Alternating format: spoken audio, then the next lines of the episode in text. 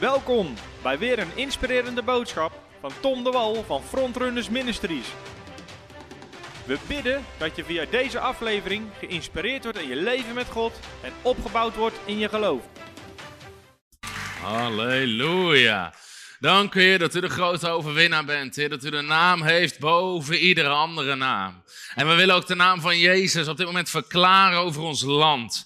Heer, hoe dat Nederland grondgebied zal zijn van koning Jezus. Heer, dank u wel dat u zo'n ontzettend goede God bent. Dat u zo'n goede vader bent, Heer. Heer, en daarom aanbidden we. We geven u lofprijs, we geven u onze glorie, Heer. Oh, geprezen zij uw heilige naam. Verhoogd zij uw heilige naam, Heer. Oh, dank u wel. Vader, we bidden ook vanavond voor uw heilige geest. Heer, dat uh, uw geest de ogen van ons hart verlicht, Heer, ons inzicht geeft, ons zegent, Heer. En als we deze belangrijke thema's ontdekken met elkaar. En willen het woord ook verzegelen wat vanavond gesproken wordt, Heer. In de machtige naam van de Heer Jezus Christus. Amen, amen. Halleluja. Oké, we zijn bijna bij het einde van de Faith School. Oh. Dat was de goede reactie en had geen applaus. dat zou wel heel demotiverend zijn. Nee, 19 lessen hebben we gehad, hè? 19. Volgens mij was het oorspronkelijke plan 12, maar we hebben er 19 gedaan. En uh, een geweldige zegen. Misschien dat we volgende week de Q&A doen. Tenminste, die willen we volgende week doen. We laten nog even weten wat we live doen. Of online, dat je gewoon online mee kan kijken. Ligt er ook aan hoeveel vragen erin gesteld worden. En hoe ver we vanavond komen. Halleluja. Uh, voordat ik ga beginnen met het onderwijs, ook iedereen die uh, live kijkt, van harte welkom via Facebook, YouTube, of als je achteraf kijkt. Als je nu live kijkt, je hebt gebed nodig, onze gebedslijnen zijn geopend. En het nummer komt uh, onder in beeld, dus als je gebed nodig hebt of mensen die met je in geloof staan, bel even onze gebedslijnen. De ministerteam zit er klaar om met je en voor je te bidden. En als het goed is, zit er een promo-videootje klaar. Klopt dat, Sander? En die is ook online klaar. Dus ook iedereen die online kijkt, hebben besloten om nog één extra conferentie in te lassen dit jaar in december. Dus uh, daar willen we iedereen die hier aanwezig is van harte uitnodigen. Maar ook als je thuis kijkt of je achteraf kijkt. Dus we gaan heel even kijken naar de promo-video die in december uh, eraan komt, de conferentie. We hebben het bijna dagelijks over de hoge prijs van gas.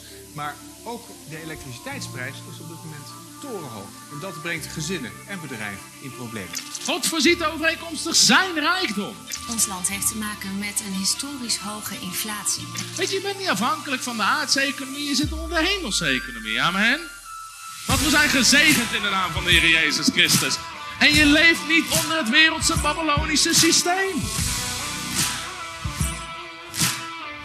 En de Heer zal voor u zijn rijke schatkamer de hemel openen.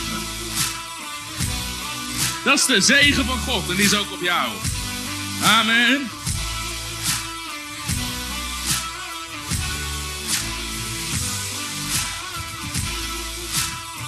U zult aan vele volken uitlenen, maar u zult zelf niet hoeven te lenen.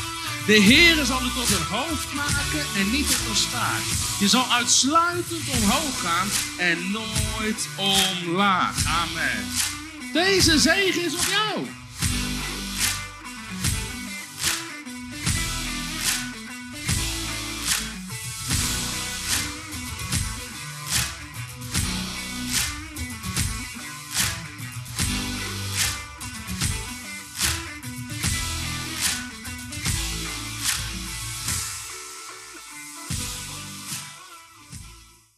We hebben het bijna dagelijks over. Eén keer is genoeg. Amen. Dus uh, we voeren echt om die conferentie erbij te doen. Ook gewoon in de geest een tegengeluid te laten horen. En zodat we gewoon een setting creëren waar mensen kunnen komen. één avond, meerdere avonden. Gewoon om geloof te bouwen, geïnspireerd te worden, toegerust te worden. Te komen in de tegenwoordigheid van God. En onder het woord van God. Om gewoon hierin ook in je geloof te groeien. Dus we willen van harte voor uitnodigen. te zijn in het midden van het land, in Ede. Uh, dus probeer één, meerdere avonden te komen. En uh, dan gaan we daar ook een geweldige tijd hebben. Oké, vanavond hoef ik het niet allemaal alleen te doen. Prijs God, Femke is er ook. En uh, die zal me aanvullen, invallen waar ik het niet goed doe. En uh, we gaan het namelijk hebben over hoe bouw je een geloofscultuur in je huwelijk en gezin. En ongeveer op drie kwart zal Femke uh, ook nog wat dingen delen. En we gaan gewoon even kijken hoe het loopt. Um, ook vanavond uh, is voor het eerst dat we Chloe ook. We hebben een oppas thuis. En, ehm, maar Chloe is 15 weken. Bijna vijf maanden. Dus 15 hele ruime weken. Als je allemaal schrikkelweken hebt, zie je dat? zie je, hiervoor heb je er al nodig. Maar, uh, maar goed, het is de eerste avond dat, uh, dat de Chloe er ook is uh, gebleven. We wonen hier dichtbij, dus misschien dat Fem heen en weer moet. Maar we kijken gewoon eventjes hoe het loopt. Oké, we gaan het hebben over het bouwen van een geloofscultuur in je huwelijk, in je gezin. En hebben jullie ook zo genoten vorige week van Michiel? Echt een hele, hele mooie avond ook. Dus stuur het ook door naar mensen. Het is ook relevant onderwijs voor veel mensen. En... Um, ook vanavond wil ik eigenlijk een beetje in de lijn van huwelijk en gezin wil ik, daar, uh, wil ik daarop doorgaan. We gaan dingen ook heel praktisch maken, gewoon waar je heel erg mee aan de slag uh, kan. Meteen ook hele concrete dingen. Net zoals Gertjan en Alleen hadden ook hele mooie, concrete dingen meteen in hun onderwijs. Dus dat is, uh, dat is altijd belangrijk. Kijk, als het gaat om hoe hoe pas je geloof toe in je gezinssituatie of je kinderen of wat dan ook? Kijk, de geloofsprincipes zijn eigenlijk over ieder onderwerp hetzelfde. Dus hoe kom je aan geloof? Hoe gebruik je je geloof? Hoe bid je in geloof? Het maakt niet zo heel veel uit op welk onderwerp je dat toepast. Of dat gaat over je persoonlijke financiën, of dat gaat over je genezing, of dat gaat over de genezing van je kinderen of wat dan ook. Die principes werken overal hetzelfde voor. Dus je kan gewoon alle principes uit de faith school, kan je gewoon vertalen naar je gezin, naar je dagelijkse leven en ze daarin gaan toepassen. En dus je kan geloof bouwen voor je kinderen, je kan Gods woord proclameren, al die dingen meer, die moet je uiteindelijk gewoon daarin juist gaan toepassen. En vanavond wil ik een stukje hebben over hoe kan je nou een cultuur bouwen, ook in je huwelijk. En ik ga iets meer zeggen nog over huwelijk dan over gezin, want Michiel heeft al hele mooie dingen gedeeld over, um, over het gezin. En ik heb uh, iets van uh, eh, 15 punten. En dat gaat helemaal lukken, halleluja. En de eerste tien gaan echt over het leggen van een goed fundament in je huwelijk. En daar hebben Gertjan en Helene ook al het een en ander over gedeeld. Sommige dingen zullen een beetje overlappen, dat is ook niet erg. Andere keer heb ik een andere invalshoek. En dat is gewoon belangrijk. En sommige dingen zullen misschien heel basic zijn. Er zullen misschien ook dingen zijn waar je zegt van ja, wat heeft dat met geloof te maken? Ik zal af en toe die koppeling even uitleggen. Waar, waarom ik die dingen wel deel. En we zijn nog geen 70 jaar getrouwd, maar we zijn wel 7 jaar getrouwd. En we zijn 7 jaar gelukkig getrouwd. En beter 7 jaar goed en gelukkig dan mensen ik ben 70 jaar getrouwd en ongelukkig. Amen. Dus uh, dat is ook belangrijk. Oké, als het gaat om geloof voor je huwelijk, je gezin en je kinderen. Een van de dingen die je gewoon moet begrijpen, en dit is nog niet een van de 15 punten, dus de introductie. Maar God heeft het huwelijk ingesteld, het huwelijksverbond. En wat zo mooi is in de Bijbel, de Bijbel begint met een huwelijk en eindigt met een huwelijk. De Bijbel begint met het huwelijk van Adam en Eva en hoe God ze samenvoegt. Maar de Bijbel eindigt ook in openbaring. Laatste hoofdstuk van openbaring eindigt met een huwelijk, namelijk Christus en de bruid. Het nieuwe Jeruzalem, wat als een bruid neerdaalt en Christus de man en, en hoe dat samenkomt. Dus de Bijbel begint met een huwelijksverbond en eindigt met een huwelijksverbond. En dat is meteen wat God laat zien in zijn woord, ook in Efeze hoofdstuk 5, dat het huwelijk wat wij mogen hebben op aarde, ondanks dat dat is met vleeselijke mensen en ondanks dat dat misschien in sommige gebieden in gebrek zal zijn, maar vertegenwoordigt iets van Christus en de gemeente. En dat zegt al iets over hoe God het huwelijk in gedachten heeft. Jouw huwelijk vertegenwoordigt ook het verbond wat Christus heeft met de gemeente. En daar gaan we zo meteen gaan we daar nog wel even een stukje over lezen. Maar dat is zo mooi om te beseffen. Nou, laten we maar eens gaan even naar Efeze hoofdstuk 5, want daar staat dat stuk onderwijs ook.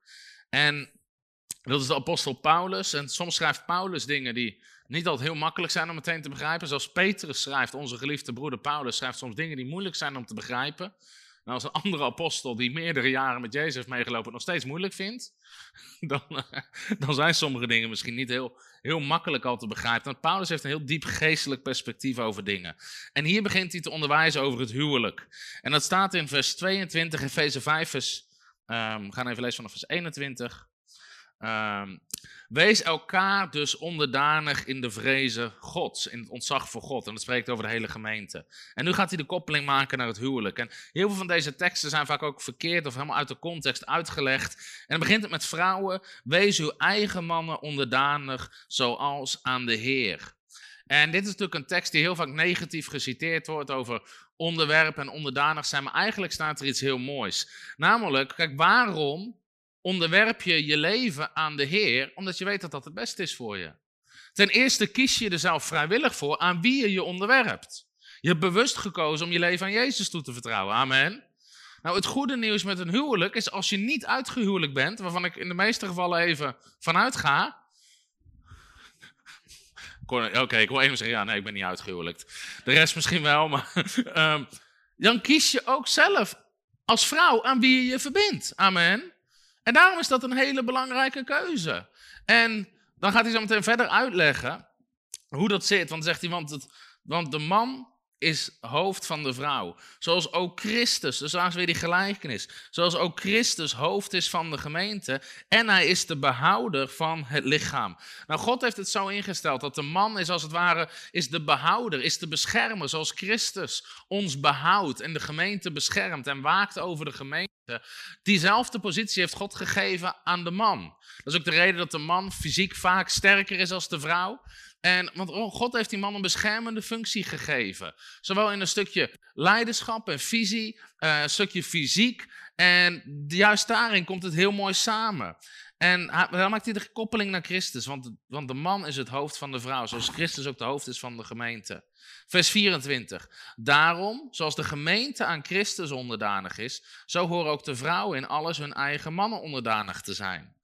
En dan vers 25. Mannen, heb uw eigen vrouw lief, zoals ook Christus de gemeente heeft lief gehad en zich voor haar heeft overgegeven. Dus hier zie je de balans. Waar beroept vrouwen op om zich te stellen als het ware onder het gezag van de man, maar de mannen moeten in liefde alles overgeven voor hun vrouw. En heel vaak is het een wel gepreekt, maar het ander niet. En dat is niet goed, dan haal je dingen totaal uit balans. En als die twee samenwerken, waar de man altijd het beste zoekt voor de vrouw en voor het gezin, dan is het voor de vrouw helemaal niet moeilijk om zich in die zin te schikken onder het leiderschap of de visie die de man heeft voor het gezin, want ze zoeken het beste voor het gezin. Amen. En dan zie je dat die balans die God heeft gecreëerd daar zo ontzettend mooi is en stuk, zorgt voor een stuk veiligheid. Opdat hij, want zoals Christus heeft zich voor haar overgegeven, Jezus heeft zijn leven neergelegd voor de gemeente. En zo hoor je in een huwelijksverbond, leg je ook je leven eigenlijk neer voor elkaar. Opdat hij haar zou heiligen door haar te reinigen met het waterbad door het woord.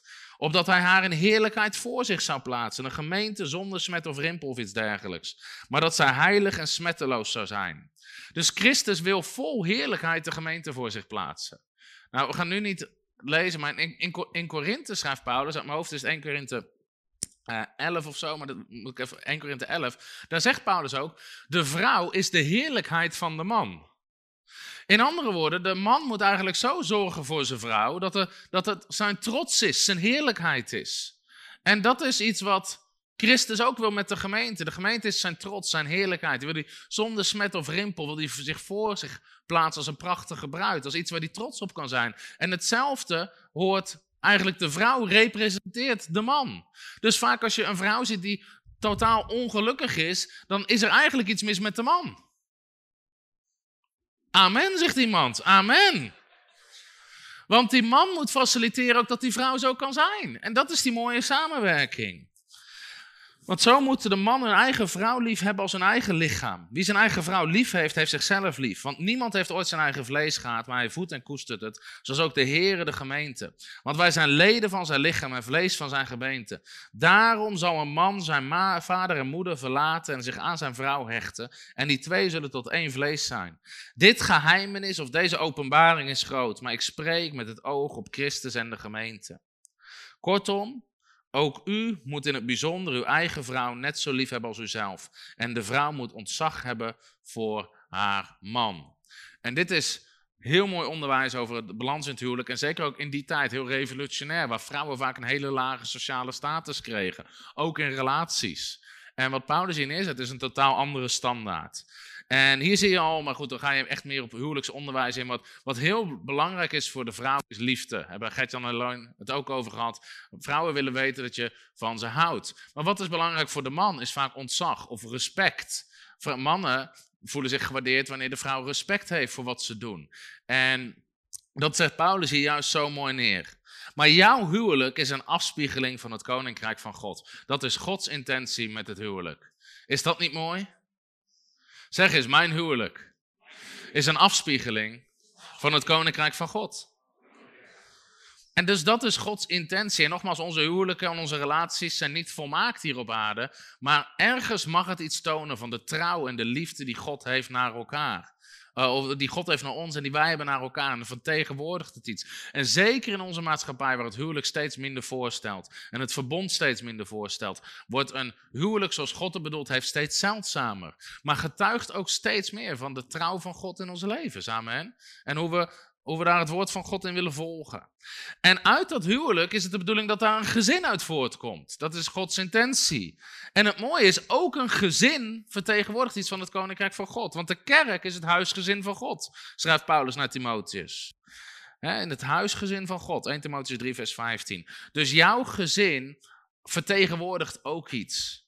En dat is namelijk hoe God het bedoeld heeft. En er staat een heel mooi stukje onderwijs over. Waarom vindt God het huwelijksverbond nou zo belangrijk? En waarom vindt God trouw zo ontzettend belangrijk? Er staat een stukje over in Malachi hoofdstuk 2. En die mag je even opzoeken, Malachi hoofdstuk 2. Meestal wordt er gepreekt op Malachi 3, over tiende. Maar nu gaan we naar Malachi hoofdstuk 2. En hier zie je waarom God zoveel waarde hecht, ook aan het huwelijk. Omdat God is een God van generaties. En wij leven in een behoorlijk individualistische tijd en samenleving. Maar God kijkt niet zozeer naar individuen ook, uiteraard. Maar God is ook iemand die denkt in generaties. En in Malachi hoofdstuk 2, vers 14 staat dit. Dan zegt u, waarom? Omdat de Heere getuige is tussen u en de vrouw van uw jeugd, tegen wie u trouweloos handelt. Terwijl zij toch uw met, uh, metgezellin is en de vrouw van uw verbond is. Heeft hij er niet maar één gemaakt, hoewel hij nog geest over had? Nou, God had Adam 16 vrouwen kunnen geven. Maar dat was niet de bedoeling.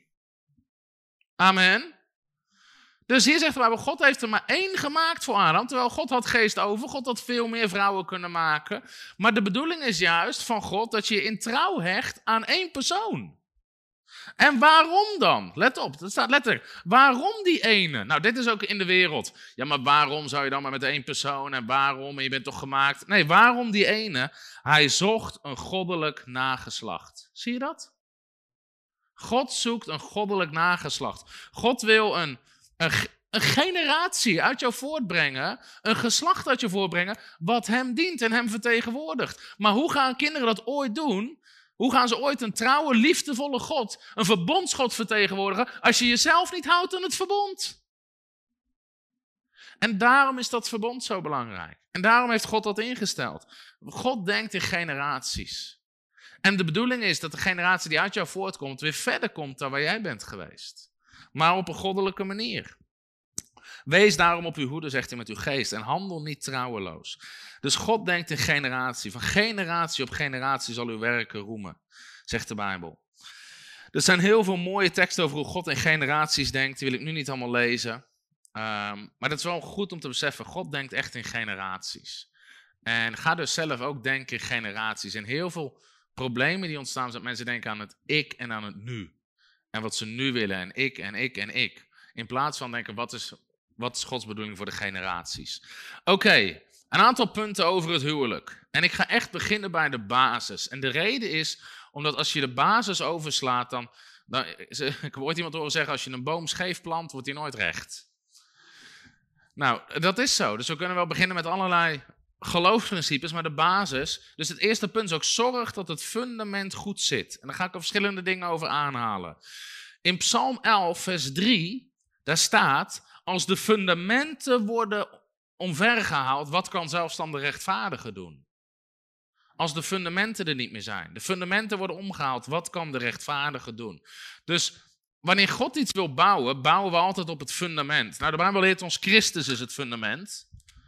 Even een fundament, ik teken even een stevig fundament. En dat fundament is Christus, en dat is ook het woord. Hè? In het begin was het woord, en het woord was God. En Jezus leert ons in Even een andere stift. In Matthäus hoofdstuk 7, hoe bouw je op die rots, is door het horen en het doen. Het horen en het doen van het woord van God. dus dat is de wijze man, niet alleen die het hoort, maar ook degene die het doet. En dan ben je aan het bouwen op het fundament. Zorg dat het fundament goed zit. Nou, er zijn heel veel. Ehm, en ook met jouw huwelijk bouw je als het ware een huis. En je gaat in je huwelijk, en niet per se Misschien ook tussen jou en je partner, maar gewoon als je jaren met elkaar leeft, ga je door stormen heen. Stormen van buitenaf, er gaan gewoon dingen gebeuren in je omgeving. En dan is echt de vraag, heb je op het fundament gebouwd als de stormen komen? Blijft dan je huis staan? Wanneer blijft je huis staan? Als je hoort en doet wat God zegt en als je op die manier bouwt. Nou, wat is even belangrijk, ook als het gaat om zo'n faith school en geloof, is wanneer we het hebben over gewoon huwelijk, en dan hebben we het even over relatie, relatie en huwelijk, dan hebben we het een groot deel over de ziel. Ja, je bent absoluut in de geest met elkaar verbonden. Je bent geestelijk met elkaar bezig. Maar de mens bestaat uit geest, ziel en lichaam. Amen. Dus je hebt gewoon je lichaam, je aardpak. Je hebt je geest, je geestelijke mens, waarmee je maakt contact met de geestelijke wereld, met God. Maar je hebt ook gewoon je ziel. Dat zijn je emoties, je wilskracht, al die dingen meer. En als het dus gaat om je huwelijk, ehm, je relatie met je kinderen, je vrouw, je man, heb je het over het gebied van de ziel. Dus om, heel veel mensen kennen het begrip IQ. Hè, dat gaat over je intelligentie en er zijn IQ-testen over hoe je verbanden legt. En dat gaat vaak over hoe slim je bent. Maar als christen heb je ook GQ. Je geestelijke capaciteit. Hoe geestelijk ben je? Kan je Gods stem verstaan? Ken je Gods woord? Dat zijn allemaal geestelijke capaciteiten die je kan hebben. En hoe krachtig ben je geestelijk? Dus dat is ook iets waar we in kunnen groeien. Maar als het gaat om het gebied van de ziel, en dat is wel gewoon een bekend begrip, heb je EQ. En dat gaat eigenlijk over je emotionele capaciteit. En, en dat gaat dus over hoe ga je met je emoties om? Hoe ga je met de emoties van anderen om? Hoe communiceer je? Uh, hoe sta je in het leven met relaties en hoe kan je daarmee omgaan? Eigenlijk gewoon people skills, om het zo maar te zeggen. Maar dit is ontzettend belangrijk, überhaupt in het hele leven, maar ook in je huwelijk. En dus je hebt het gewoon over een groot deel van de, gewoon de ziel van de mens, waar jij mee om moet leren gaan en met de ziel van een ander. Dus het zijn niet alleen maar geloofsprincipes, bidden, proclameren, vasten. Maar als je ondertussen een hork van een vent bent, komt je huwelijk niet goed. Maakt niet uit hoeveel je proclameert. Want heel vaak ontstaat een issue niet in je huwelijk omdat je te weinig bidt. Maar zijn er andere dingen aan de hand? In de communicatie en, en, dat soort dingen zijn vaak dingen aan de hand. Gewoon in de onderlinge relatie. Dus dat gebied van de ziel is belangrijk. En ik heb ook gezegd met gevaren van de geloofsboodschap, is je kan zielsproblemen niet overschreeuwen met geloof. Dus je kan, ja nee, in Jezus' naam, er is niks aan de hand in ons huwelijk. Ja, dat is niet hoe het werkt als er wel iets aan de hand is. Dan zou je het echt op moeten lossen met elkaar. En dan zou je eraan moeten werken. Dan heb je dus gewoon over dat gebied. En ik, zou, ik ga beginnen met de fundamenten. Mensen kunnen in complexe situaties zitten. Bijvoorbeeld als één partner later tot geloof is gekomen. Of je kinderen zijn al het huis uit. Hoe ga je daarmee om? En ze geloven niet. Dat zijn allerlei specifieke vragen. Maar ik wil eigenlijk in de les voornamelijk even vanaf, gewoon vanaf de basics. Laten we even zeggen dat we opnieuw kunnen starten. En dat is belangrijk. Er kijken ook veel jonge mensen. En er zitten ook jonge mensen. Mensen misschien die nog niet getrouwd zijn.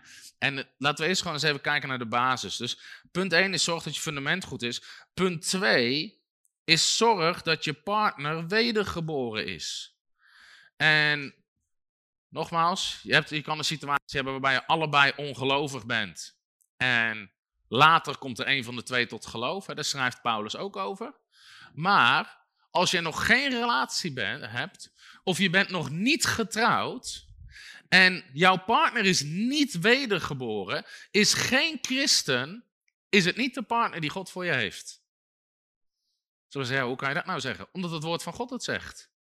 En ik heb dit heel vaak mis zien gaan met mensen. Ze zeggen, ja, nee, maar ik geloof echt dat mijn partner later tot geloof komt. Nou, ik hoop het voor je, maar ik heb ook regelmatig gezien dat dat niet gebeurt. En dat je gewoon uit elkaar groeit. En daarom waarschuwt Paulus ervoor. Onder het oude verbond was het al verboden om huwelijksbanden aan te gaan met andere volken. Maar onder het nieuwe verbond zegt Paulus ook in 2 Korinthe 6, vers 14: vorm geen ongelijk span met ongelovigen. De Bijbel in gewone taal zegt: je mag je leven niet delen met een ongelovige. Het boek zegt: verbind je niet met iemand die niet gelooft. Want wat heeft licht te maken met duisternis? En dan gaat hij verder in 2 Korinthe 7, vers 1 omdat wij dan deze belofte hebben, geliefde, laten we onszelf reinigen van alle bezoedeling, dus bevuiling van vlees en geest, en de heiliging volbrengen het vrezen van God. Nou, daar zegt het, het boek zegt iets heel moois. Laten wij onszelf volledig aan God geven en toewijden, zegt het boek. Nou, als het goed is, heb je als christen het verlangen om je hele leven aan God te geven en toe te wijden. Amen. Maar dat kan niet in een gemixte relatie. Dus daarom zegt Paulus, als christen ben je geroepen om je hele leven te geven en aan God toe te wijden. Maar dat gaat niet in een gemixte relatie. En daarom is dat gewoon iets waar de Bijbel voor waarschuwt, wat je gewoon niet moet doen. En dit is ook belangrijk onderwijs. Misschien maar ik ben al getrouwd. Dan is dit heel belangrijk onderwijs om aan je kinderen mee te geven. Want heel veel, heel veel komen zeggen, ja, mijn, mijn dochter is getrouwd met iemand die niet gelooft en wil je met ons in geloof staan? Maar soms hebben ze dat soort principes nooit meegegeven in de opvoeding. Dus je loopt gewoon achter de feiten aan. En heel veel ouders brengen dit, en hoe, nogmaals, hoe jonger je kinderen zijn, hoe makkelijker je meegeven, brengen dit soms veel te vrijblijvend ook. Van, uh, ja, nou ja, dat is niet zo handig. Nou, dat is niet wat de Bijbel erover zegt, dat het niet zo handig is. En ik snap als je dochter of je zoon een stuk ouder is en, en die komt thuis en, en die heeft al lang een relatie met diegene, dan, dan moet je natuurlijk oppassen hoe en wat je zegt. Maar zeker als je kinderen nog geen relatie hebt, onderwijs ze dan dat soort principes. Vooraf. Heel vaak wachten mensen tot het te laat is. En dan gaan ze dingen bespreken. En dan gaan ze dingen uitleggen. Maar die kinderen die zijn allemaal de botel op elkaar. En die krijg je niet meer van elkaar afgetrokken. Dus als je ze nou van tevoren dat soort principes uitlegt, dat scheelt zoveel. Je wil jezelf volledig aan God kunnen geven. Dus, uh, en ik geloof ook dat we in de kerk over dit soort dingen moeten durven te spreken. Ik kwam een keer op een voltijd bijbelschool, bekende bijbelschool in Nederland, zal de naam niet noemen. Ik was aan het eind van het schooljaar en ik gaf daar onderwijs over geloof en gebed. En een van de studenten, ik denk een jaar of 17, die zei, ja, hoe moet ik bidden voor mijn vriendje die nog niet gelooft? En toen zei ik, daar moet je niet voor bidden, dat moet je uitmaken. En die hele klas was in shock. Maar ik kan het advies niet mooier maken of anders maken. Dit is gewoon wat de Bijbel zegt. Maak het eerst uit Sta dan maar in geloof dat hij dan tot geloof komt dat er iets gaat gebeuren in zijn leven. En dan kan je een relatie aangaan. Maar dit is de verkeerde volgorde. En als je een boom scheef plant, wordt hij niet recht. En dat soort principes moet je jongeren mee durven geven. En nogmaals, sommigen zeggen, ja, maar ik geloof dat hij later tot geloof komt. Nou, ik hoop het.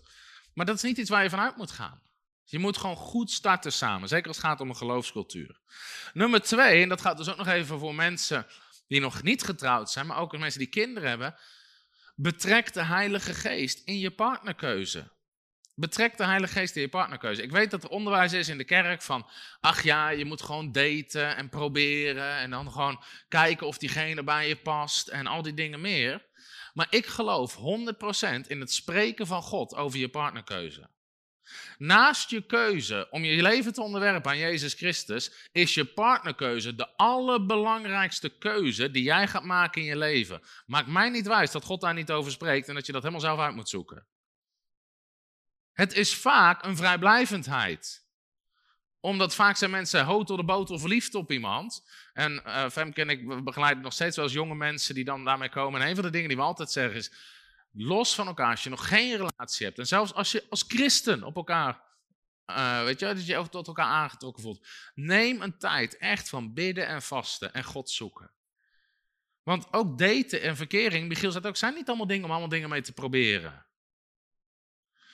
En hoe mooi is het als je gewoon vanuit God gehoord hebt en ervaren hebt dat je voor elkaar bestemd bent. De Bijbel zegt wat God samengevoegd heeft. Laat de mensen niet uit elkaar halen. Dus God is in de business van mensen samenvoegen. Amen. Een van de eerste dingen die God deed is hij gaf Eva aan Adam. God bracht ze samen. Dus betrek de Heilige Geest er echt in. De leiding van God in je partnerkeuze. En als je dan vragen stelt, of als je God zoekt, zoek de God dan ook open. En dat is ook iets wat je dan dus aan je tieners moet leren. Van hoe versta je Gods stem erin en hoe ga je daar nou mee om? En een van de dingen die belangrijk is van tevoren, is maak van tevoren een soort van wensenlijst. En dat bedoel ik niet van een hele uitgebreide eisenlijst van, nou, ze moet toch wel 100.000 euro op de bank hebben, rijke ouders, weet je, als je dan toch kan kiezen. Nee, maar wat ik bedoel is gewoon, je wil gewoon een paar voorwaarden hebben. Bijvoorbeeld, nummer één, iemand is wedergeboren. Nummer twee, iemand heeft een liefde voor het woord van God. Iemand heeft een liefde voor de gemeente. Iemand heeft, dat je, dat je gewoon dat soort eisen gewoon hebt. Je zegt van, heer, ik wil voor u leven. Dus ik heb ook een vrouw nodig, ik heb een man nodig die hieraan voldoet. En als iemand nog half, die zich wel christen noemt, maar nog voor 90% in de wereld leeft, dan gaan sommige mensen gaan relatie ja, in de hoop dat het goed komt. Maar de rest van je leven bouwen doe je niet in de hoop dat het goed komt. Amen. Dus ook dat soort dingen kunnen gewoon heel nuttig zijn. Ik las ooit deze uitspraak, ik vond hem heel mooi. Ik denk misschien ook iets om aan je tieners mee te geven als je zelf nog niet getrouwd bent. Het is beter om niet getrouwd te zijn met de gedachte, was ik maar getrouwd, dan getrouwd te zijn met de gedachte, was ik maar niet getrouwd. Amen. Het is beter om niet getrouwd te zijn met de gedachte, was ik maar getrouwd, dan getrouwd te zijn met de gedachte, was ik maar niet getrouwd. Nou, nou, dit is een van die dingen, het klinkt basic, maar het is wel belangrijk om te benoemen. Zorg dat het fundament goed zit. Soms hoor je mensen, en ja, waar heb je elkaar ontmoet? Oh ja, ja nou, uh, ze zat eigenlijk nog in een andere relatie, maar uh, toen hebben... Dat ding gaat gewoon in herhaling vallen. Mensen maken gewoon, waarom? Dat is hoe het werkt in de geestelijke wereld. Het is zaaien en oogsten. Als dat is wat jij zaait, is dat wat je gaat oogsten. Dus ik geloof in God spreken als het gaat om partnerkeuze. Nummer drie, dit geldt voor iedereen waar je nu ook nog aan kan werken. Zorg dat je emotioneel en geestelijk gezond bent en heel bent. En in dit geval ook als je dus nog moet gaan trouwen, werk aan je heelheid. Ik weet dat in de er zijn eh, bepaalde bewegingen waar heel erg de gebrokenheid van de mens centraal staat. We zijn allemaal gebroken en we hebben allemaal ellende en we zijn allemaal dit en we zijn allemaal dat. Maar de bedoeling is dat je genezen wordt. Jij zegt, ik ben gekomen gebroken van hart te genezen. Nou, dit is het probleem. Mensen die verwond zijn, die bloeden nog steeds. En er is een uitspraak in het Engels: If you don't get healed from what cut you, you will bleed on people that didn't cut you. Dus als jij niet geneest, nou, als het gaat even om huwelijk. Hè? Johannes zegt, ik wens dat het u in alles goed gaat en dat je gezond bent zoals het je ziel goed gaat. Als het niet goed gaat met jouw ziel, met jouw innerlijk, zal het je nooit in alles goed gaan. Want die problemen die gewoon in jouw ziel, die draag je overal met, met je mee. Dus, dit is niet huwelijk. 50-50. Ik ben 50%, Femke is 50% en samen zijn we 100%. Dat is niet de bedoeling. De bedoeling is dat je allebei 100% bent. Waarom? Het klinkt hard, maar dan heb je eigenlijk elkaar niet nodig. En dit is wat je, dit is wat je krijgt. Soms hebben mensen, laten we het even noemen, mensen die nog ergens emotioneel verwond zijn. Ik noem het gewoon even verwond. Als je verwonde mensen hebt die een relatie aangaan of een huwelijksverbond met een ander verwond iemand, wat krijg je dan? Dan krijg je een verbond met angst, controle, ellende. Waarom? Gebrokenheid is je gemeenschappelijke deler. En je versterkt elkaar in je gebrokenheid. Nou, wat als je nou iemand hebt die, noem het even, heel is, of een sterk persoon, of een heel persoon. Als die een relatie aangaat met een verwond persoon, krijg je ongezonde afhankelijkheid ongezonde afhankelijkheid.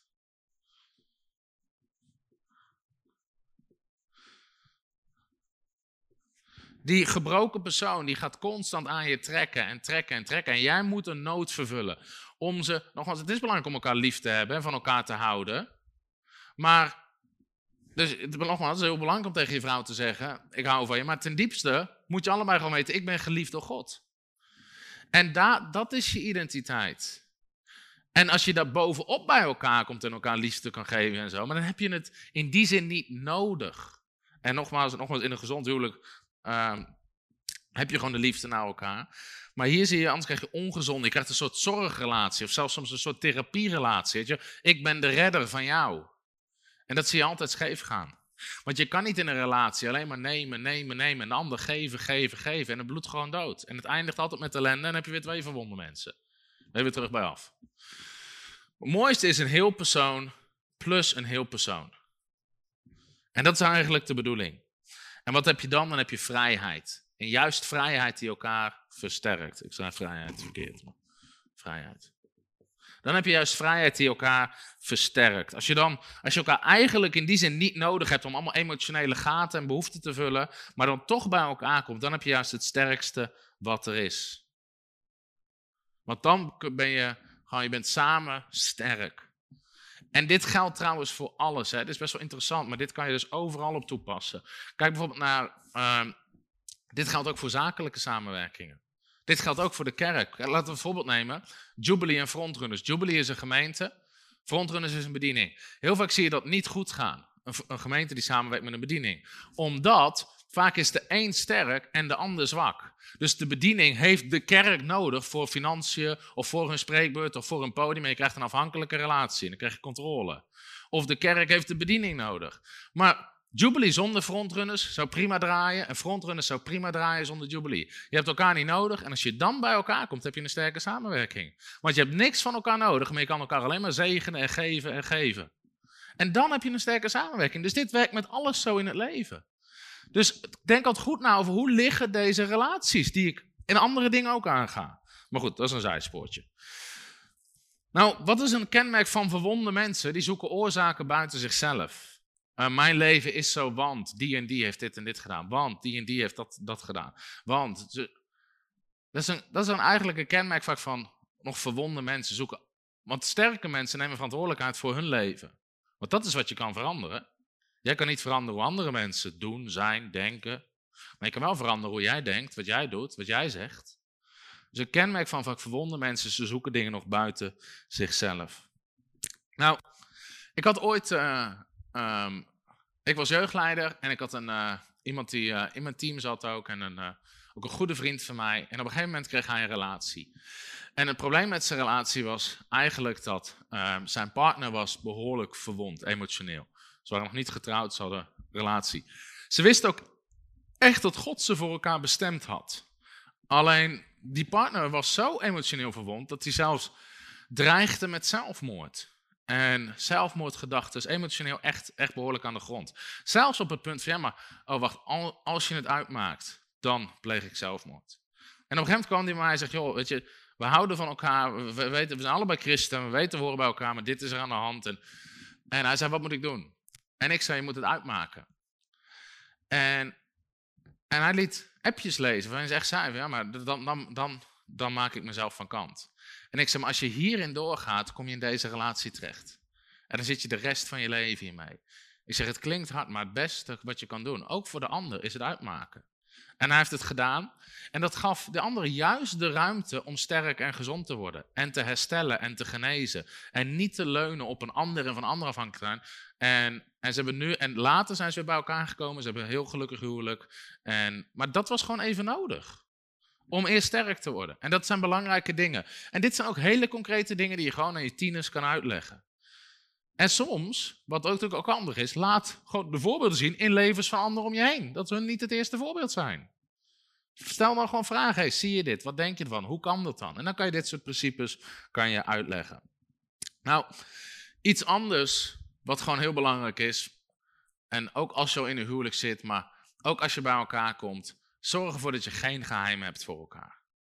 Zorg ervoor dat je niet in een relatie, dus ook toen Femke en ik een relatie kregen, een van de eerste dingen die we gewoon bespraken was gewoon, wat is er gebeurd in het verleden? Waarom? Vaak ben je allebei ergens tot bekering gekomen, dus je hebt ook een oud leven. En je kan wel zeggen, ja, het oude is voorbij gegaan, maar soms komen oude dingen toch nog even langs. Of soms komen de situaties, of kom je op plekken, of kom je met mensen in aanraking die met je oude leven in verbinding stonden. Dus je wil niet allerlei verrassingen of geheimen voor elkaar. Als je een gezond huwelijk wil aangaan, moet je alles open kunnen gooien en alles kunnen vertellen, zodat je geen geheim hebt voor elkaar. Heel praktisch, maar het zorgt gewoon voor dat het later niet gaat lopen etteren. Nummer vier, en dit is, dit is leuk voor iedereen. Dus we hebben het nu gehad over zorg dat je wedergeboren bent. Hè? Vertrekt de Heilige Geest bij partnerkeuze. Nummer vier, stem roeping en verwachting af.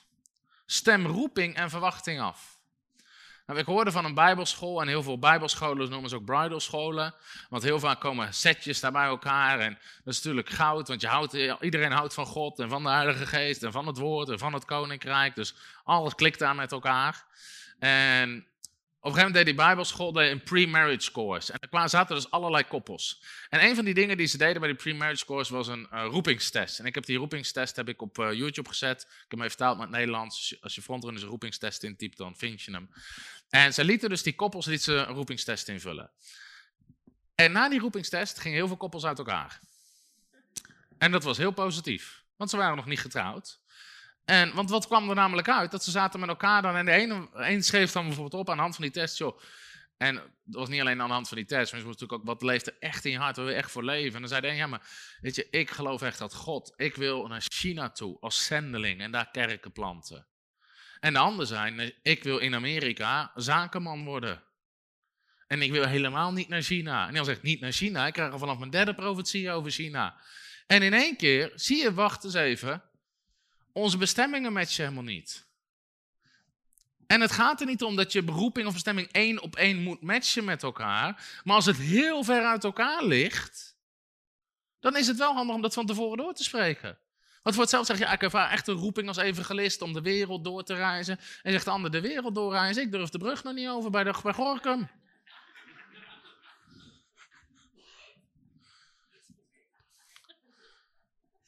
Dat ga ik nooit doen. Nou, dat, dat gesprek kan je beter van tevoren hebben dan, dan dat je getrouwd bent. Dus deel je de roeping. Nou, wat je nu dus heel praktisch kan doen, wat je nog steeds goed kan doen, is stel je nou voor dat je 100 jaar oud bent. Je bent allebei, jij en je partner, met 100 jaar oud. En je kijkt terug op je leven. Wat wil je dan bereikt hebben? Spreek dat soort dingen eens door met elkaar. En het gaat niet om dat je hele concrete doelen hebt, maar dat is wel goed om af en toe af te stemmen. Want anders gaan er soms hele andere verlangens in je hart leven. En die een gaat heel langzaam die kant op en de ander gaat heel langzaam die kant op. Maar wat zijn dan dingen, waar leef je voor? Wat, wat zie je voor je? Nou, dus heb je een gemeenschappelijke roeping? Of ben je in sommige situaties ook bereid om een stukje van jouw roeping misschien even ondergeschikt te maken, als dat nodig is voor een bepaald seizoen? En bijvoorbeeld met, in ons geval, waar Femke heeft ook echt een roeping voor frontwomen en profetisch en aanbidden en het woord delen over bepaalde thema's. Maar in dit seizoen van ons leven kan dat gewoon heel vaak niet. Omdat we ervoor gekozen hebben, uh, voor frontrunners heb ik gewoon al mijn aandacht, energie en tijd nodig. En we hebben ook gezorgd, we willen ook gewoon een veilige thuisbaas hebben voor de kinderen. Dus Femke, in die zin offert ze zichzelf op. Zegt, joh, ik wil er gewoon ten eerste zijn, altijd voor de kinderen. En daarnaast mij vrijzetten voor de bediening. En als je op een gegeven moment weer in een ander seizoen zit in je leven, kan je dat soort dingen weer oppakken. En nu sporadisch of zo nu en dan. Maar je weet gewoon, dan zit, dan zit je gewoon een tijd in een seizoen waar je niet 100% kan geven op dat gebied. Maar je hoogste roeping is je gezin. Maar dat is ook belangrijk dat je dat met elkaar af kan stemmen. En soms spreek ik jonge mensen die echt een roeping hebben, een zalving hebben. En zeg, ja, maar mijn groep als evangelist om campagnes te doen. En zeg, nou, zet dan die stappen in geloof. Je bent al bezig. Ja, ja, maar we hebben nou een koophuis van vijf ton en mijn vrouw wil niet terug. En, uh, dus ik moet dit blijven verdienen, dus ik kan niet minder werken. En uh, ja, nee, mijn vrouw wil ook vier dagen in de week werken. Dus als ik dan, dan minder ga werken, voor de, nou, dan, dan, moet ik eigenlijk eerst thuis zijn voor de kinderen. En je ziet gewoon, ze hebben een systeem gebouwd waar ze gewoon klem in zitten. En dan is de vraag, ben je bereid om offers te brengen? Ik heb meerdere keren tegen jonge mensen, ook gewoon twintigers gezegd, joh, verkoop je koophuis, ga huren, ga gewoon even lager leven, om in die roeping en die bediening te komen. En heel vaak wil een van de twee partners het offer niet brengen. En dan leef je de rest van je leven, ja, maar wat als, wat als? Maar dat zijn ook dingen die je gewoon van tevoren goed kan doordenken. Dus dat kan soms um, kan belangrijk zijn. Ook om daar met elkaar. En dan heb je het echt over geloofscultuur. Waar geloof je samen dat God je voor geroepen heeft? Dat zijn goede vragen om met elkaar te bespreken. Van hé, hey, waar geloof je dat God je voor geroepen heeft? Of je partner voor geroepen heeft? En dan kan je elkaar daarin dienen en vrijzetten.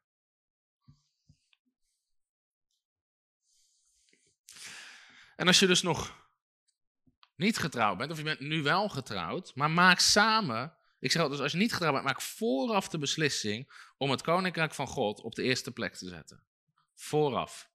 En als je getrouwd bent, je hebt nog nooit samen bewust die beslissing gemaakt, dan ga je met elkaar in gesprek. Dan zeg je, nou wat als een van onze gewoon pilaren, fundamenten in het leven is, wij zetten het koninkrijk van God op de eerste plek. En daar leven we voor. En kijk, soms vragen mensen mij best wel vaak van, vindt Femke het niet lastig dat je zoveel weg bent? Heel veel avonden, heel veel weekenden, vaak op reis. Nou, dat is niet altijd leuk, maar we hebben er nooit issues over, omdat we het van tevoren hebben afgestemd. Dus we hebben gewoon van tevoren duidelijke afspraken gemaakt. Ook over hoe we het dan wel concreet doen. Maar we hebben van tevoren altijd al gezegd. We wisten al dat we een roeping op ons leven hadden. Dus Femke heeft van tevoren gezegd: ook, joh, ik ga je erin vrijzetten. Ik ga je erin ondersteunen. En we wisten dat dat offers zou vragen in tijd. En als je dat niet van tevoren afspreekt, dan zeg je: ja, die vent van mij is altijd weg. Maar als je dat van tevoren afspreekt. Dus we hebben gewoon afspraken daarover gemaakt. En dan, het is zo gemakkelijk als je dat vooraf doet. Nummer 5. Nummer 5. Als je eenmaal getrouwd bent, en dit is ook een beetje op het gebied nog van de ziel, maar wel belangrijk. Um, Gert-Jan alleen zei er ook iets over. Werk aan je huwelijk. Is dat geestelijk? Ja, want geloof zonder werk is dood. Dus als jouw roep, als jouw huwelijk uh, iets moet vertegenwoordigen van het koninkrijk van God, we zeggen geloof zonder werk is dood.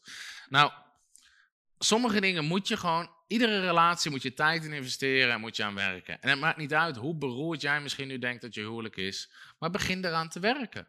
Begin gewoon waar je nu zit. Smith Wigglesworth, groot geloofsman, man van God, maar was, volgens mij in de 50 was hij. Klopt het, John? In de 50 of in de 60. Toen hij echt volop voor het koninkrijk van God ging. En daarvoor was hij zelfs tegen. Zijn vrouw was veel fanatieker. En op een gegeven moment had hij echt gewoon een hekel aan zijn vrouw. Omdat zijn vrouw altijd in de kerk was en aan het evangeliseren was. En Smith Wigglesworth, die was, die was altijd druk bezig met veel geld verdienen en werken. En had helemaal geen tijd en aandacht voor de kerk. En totdat hij zelfs zo'n hekel had aan zijn vrouw. Dat op een zijn vrouw s'avonds te laat naar zijn zin thuis was van de kerk, deed hij de deur op slot, moest ze buiten slapen. Dat was hun huwelijk, dus ik denk dat jouw huwelijk er in principe nog redelijk prima uitziet. maar uiteindelijk, door gewoon, door de liefde van Christus, heeft ze hem weten te winnen voor het evangelie. En is een machtig man van God geworden. Um, maar werk aan je huwelijk. En er zijn gewoon, investeer daar en maak daar gewoon tijd voor. Geef dat de prioriteit. Het zijn soms ook gewoon leuke kleine boekjes. Ik weet niet of ze nog gedrukt worden, volgens mij niet. Maar ken je dat boekje wat mannen horen te weten over vrouwen en wat vrouwen horen te weten over mannen? Sommige mensen kennen ze niet. Worden ze nog gedrukt, Fem, of niet meer in het Nederlands? In Nederlands niet meer. Misschien kan je ze op Marktplaats. Shanti Fieldman heet ze.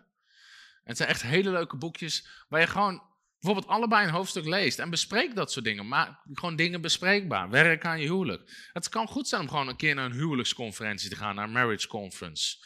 Een huwelijksweekend. En Gert-Jan alleen zei er ook iets over. Bij ons is, uh, is er ook standaard. Heb gewoon een date night. Eén avond per week met je vrouw. Want als je het niet apart zet, als je het niet blokt, zit je hele, avond, zit je hele week vol.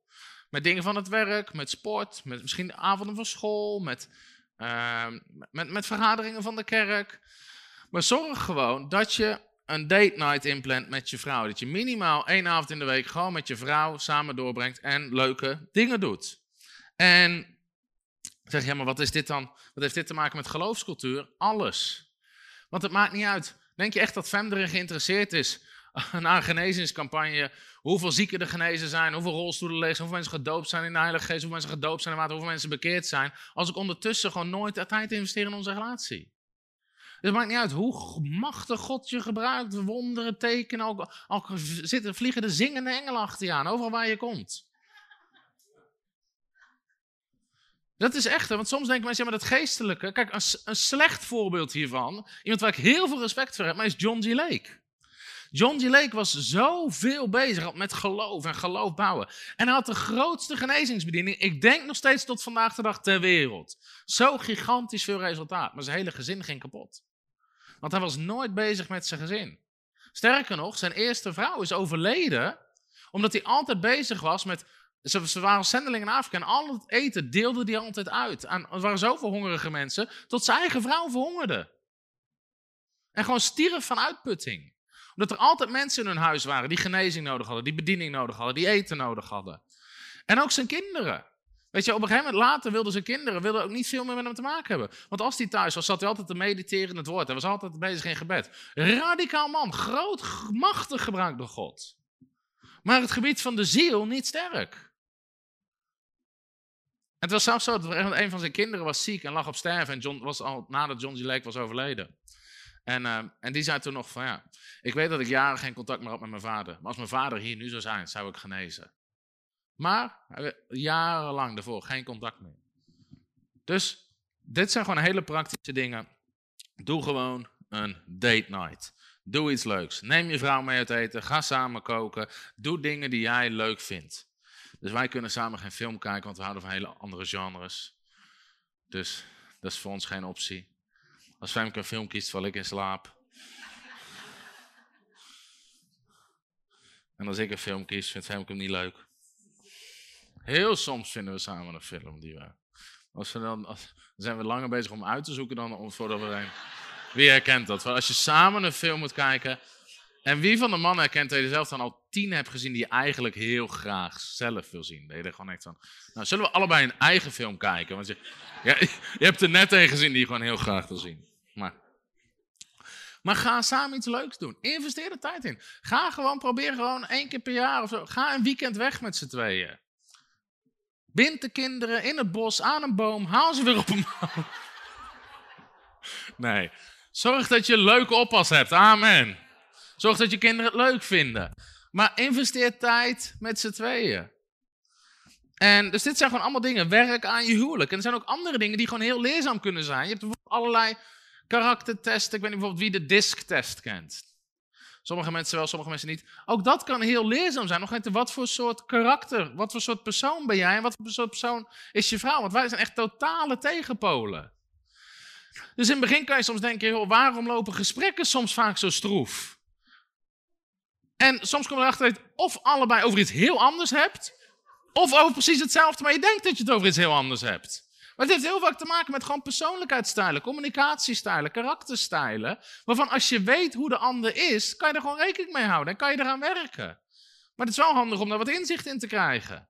Dus er zijn gewoon heel veel leuke dingen die je ook gewoon samen leuk kan doen. Maar werk echt aan je huwelijk, werk aan je relatie. Dat is zo ontzettend belangrijk. Nummer 6. Hier zijn wel leuke teksten bij trouwens bij deze. Sta elkaar ook toe om anders te zijn. Sta elkaar toe om anders te zijn. De Bijbel zegt, je zal één vlees worden, maar dat betekent niet, je zal hetzelfde worden. Dus, nogmaals, sommige mensen lijken heel veel op elkaar. Femke en ik zijn echt tegenpolen in heel veel dingen. Maar sta elkaar ook toe om anders te zijn. Kijk, heel veel dingen doe jij gewoon anders dan je partner. Je kan of je leven lang eraan ergeren, of je kan leren om erom te lachen. Mhm. Kijk, mij moet je bijvoorbeeld niet laten klussen. Gaat niet goed.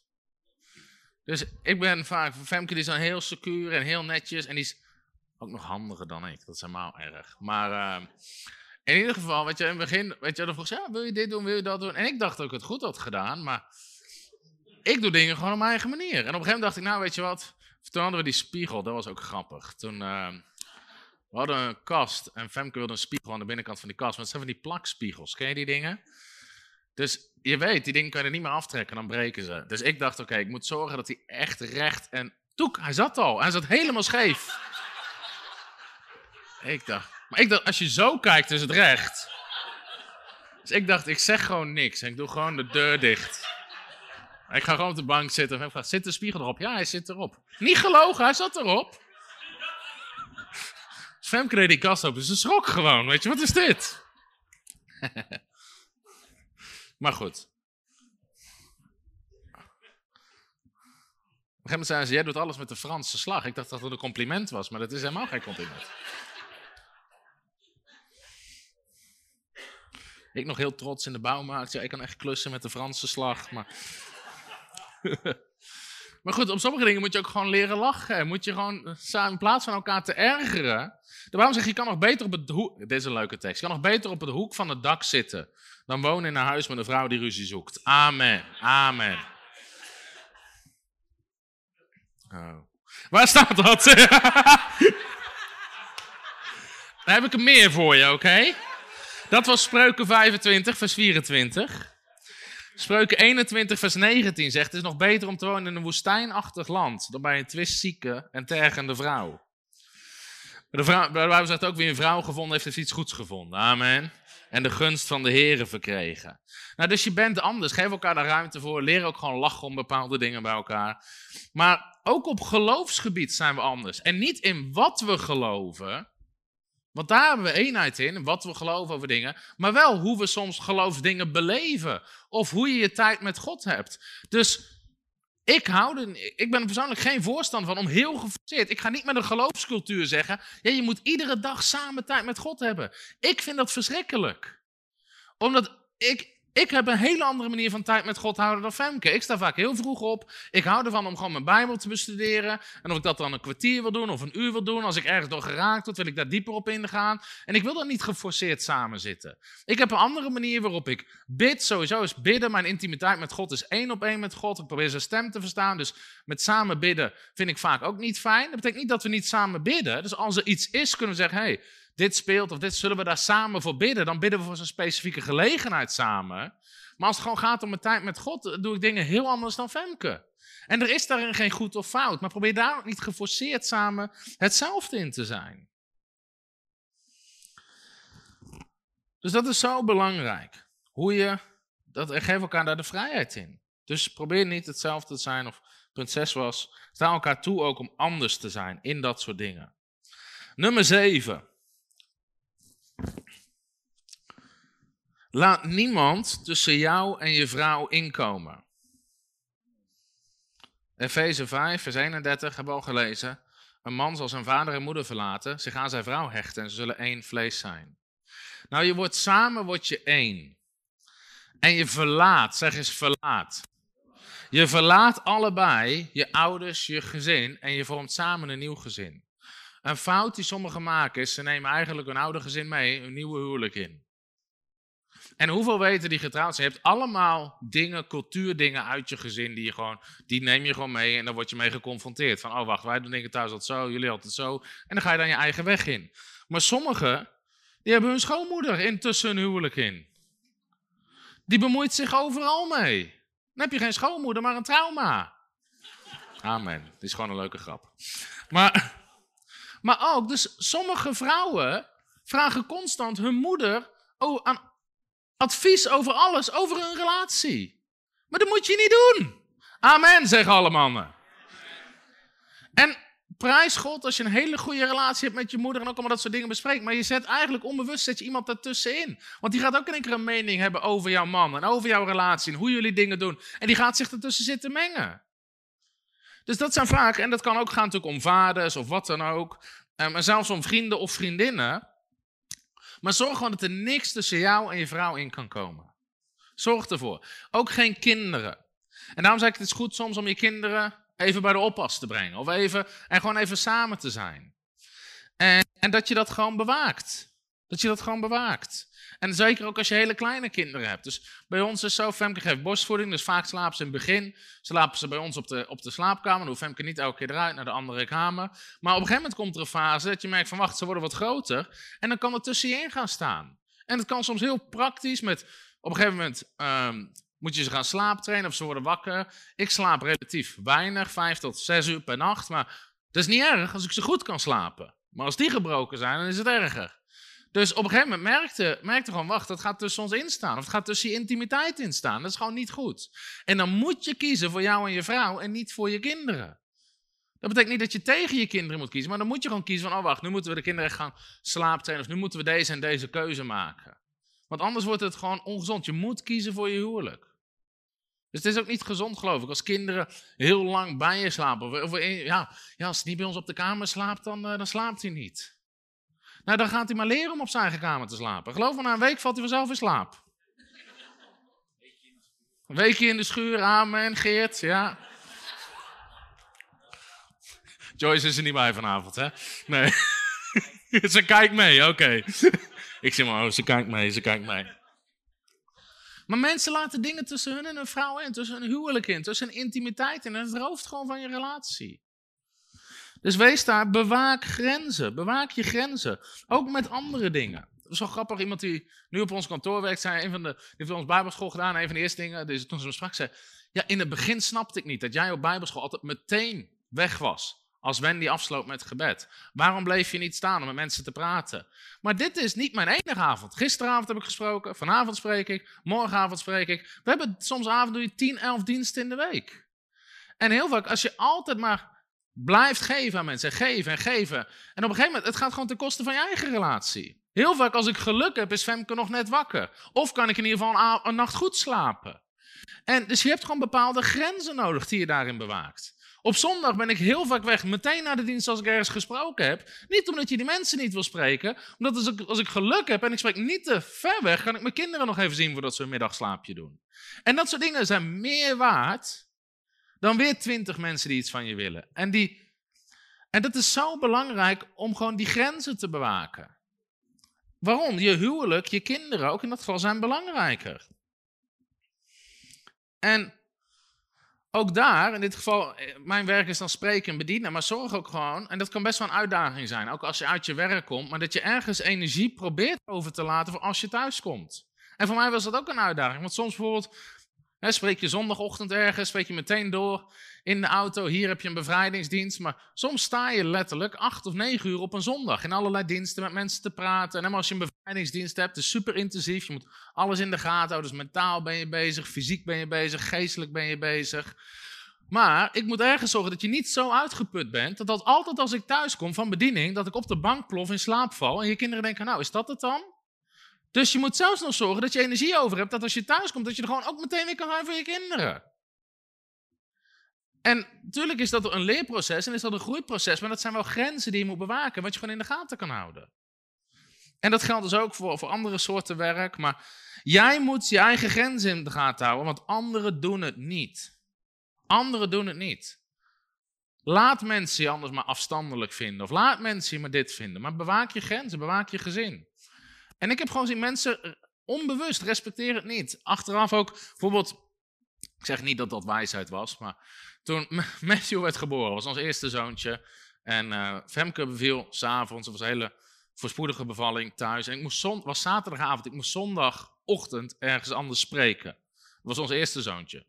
En we hebben drie kinderen en ik zeg altijd, ik zeg geen spreekbeurt af, want je weet nooit, wordt een kind te vroeg, te laat. Ik kan niet een maand lang alles afzeggen, dus last minute kan ik altijd beter dingen afzeggen dan dat ik een maand alles moet blokken uit mijn agenda. Dus, alleen het ging zo goed, dat ik overlegde met Femke. En Femke zei, nou weet je wat, ga morgenochtend maar spreken. Een goede vriendin van ons, die ook kraamverzorgd was, kwam ook extra helpen. Dus we hadden genoeg hulp thuis. Achteraf zeg ik, is het wijsheid bij je eerste zoontje na acht uur dat je weer op weg bent om te spreken. Maar goed, het was ook een eindweg. Ik moest twee uur rijden naar die gemeente toe. En uh, Arjan, de man van uh, Marion, die was mee. En ik zei in die dienst, ik ben hier, gisteravond is, mijn eerste, is ons eerste zoontje, ons kind is geboren. Dus ik moet meteen na de dienst weg, terug naar Femke. En geloof het of niet, maar ik zei aan het eind, amen. En er stond een rij van hier tot daar voor gebed en vragen. En heb je gezegd, net mijn eerste kind geboren, ik moet meteen weg, ik moet terug naar mijn vrouw, die is net bevallen. En er staat gewoon een rij van 40 mensen voor gebed en vragen, die hun gebed en hun vraag belangrijker vindt dan je pasgeboren kind of je pasgeboren, oh, niet je pasgeboren vrouw, maar ze is zo jong, halleluja. Maar om gewoon even aan te tonen, mensen respecteren het niet. Ze banjen er gewoon, hoe duidelijk je het ook aangeeft. Dus soms moet je soms, moet je, dat is gewoon echt iets om je van bewust te zijn. Dus ook toen wij net getrouwd waren, waren we heel actief in de kerk, in jeugdwerk, tienerwerk, bidstonden, bijbelschoolleider, we zaten in het leiderschapsteam. We deden eigenlijk gewoon achteraf weer terugkijken misschien te, veel. En op een gegeven moment, na een jaar, we waren een jaar en twee maanden getrouwd, en we gingen uit die kerk, terug naar Jubilee, waar ik oorspronkelijk vandaan kwam. Ze hadden we even geen taken meer, we hadden ook nog frontrunners. En dit is echt waar, maar we waren een jaar en twee maanden getrouwd. We zaten voor het eerst samen, s'avonds op de bank. En toen keken we elkaar aan en ja, wat doe je eigenlijk samen? Ja. Nou, negen maanden later werd Matthew geboren. Nee, schrapje, schrapje.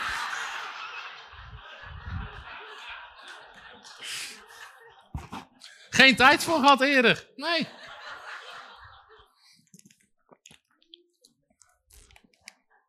Maar echt, we waren jaren, twee maanden getrouwd en we hadden nog nooit één avond samen doorgebracht. Maar het punt is, iedereen in de kerk ziet dat je altijd iedere avond bent, iedere bidstond bent, iedere babelschool bent, iedere campagne bent, iedere dienst bent. Maar er is niemand die zegt, hey, moet jullie niet tijd nemen voor je huwelijk? Moet je niet eens een keer tijd... Dus jij moet je eigen grenzen bewaken. Jij moet je eigen grenzen bewaken. Nummer 8. Ook over geloofscultuur. Heilig je huwelijk. Heilig je huwelijk. En we gaan lezen uit Spreuken, hoofdstuk 5. Spreuken, hoofdstuk 5, vanaf vers 1. En daarna gaan we een stukje lezen uit Spreuken, hoofdstuk 6. Nou, dit is heel belangrijk onderwijs. Sommige mensen zullen het misschien te radicaal vinden, maar ik vind het niet. Daarom predik ik het ook. Spreuk hoofdstuk 5 vanaf vers 1. En ik ga zo meteen echt steeds concretere geloofspunten over gebed en zo. Maar... Heilig huwelijk, spreuken 5. Als je het gevonden hebt, zeg je prijs de Heer. Vanaf vers 1. Mijn zoon, sla acht op mijn wijsheid. Neig je oor tot mijn inzicht. Zodat je bedachtzaamheid in acht neemt. Zeg eens bedachtzaamheid. Dat betekent dat je goed over dingen nadenkt. En je lippen kennis bewaren. Let op, want de lippen van een vreemde vrouw druipen als honingzeem. Haar gehemelte is gladder dan olie. Maar het laatste van haar is bitter als alsem, scherp als een tweesnijdend zwaard. Haar voeten dalen af naar de dood, haar voetstappen sturen aan op het graf. Opdat je het pad en leven niet zou inslaan. Zwalk haar sporen zonder dat je het beseft. Nu dan, kinderen, luister naar mij en wijk niet af van de woorden van mijn mond.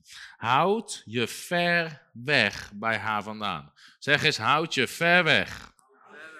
Bij haar of hem vandaan. En kom niet in de nabijheid van de deur van haar huis. En vers 15 zegt, drink water uit je eigen bak, stroom het water uit je eigen put. Laten je bronnen zich naar buiten toe verspreiden, de waterbeek op de pleinen. Laten ze van jou alleen zijn en van geen vreemde met jou. Spreuk hoofdstuk 6, vers 23. Spreuken 6, vers 23, gaan we nog een paar versen lezen. Want een gebod is een lamp, een onderricht is een licht. Dus dit is een gebod, ook wat we net hebben gelezen. Blijf er ver vandaan. Bestraffing en vermaning zijn de weg van het leven. Om je te bewaren voor een slechte vrouw, voor het gevlei van de tong van een onbekende. Begeer haar schoonheid niet in je hart en laat ze je niet vangen met haar oogleden. Nou, wat is mijn punt hier? De Bijbel waarschuwt hier voor overspel. En waarschuwt hier voor een andere vrouw of een andere man in je relatie. Alleen waar begint het om dat weg te houden? Soms zeggen mensen, ja, die en die is gevallen in overspel. Er bestaat niet zoiets als vallen in overspel. Het is niet zo dat je over straat loopt en één keer...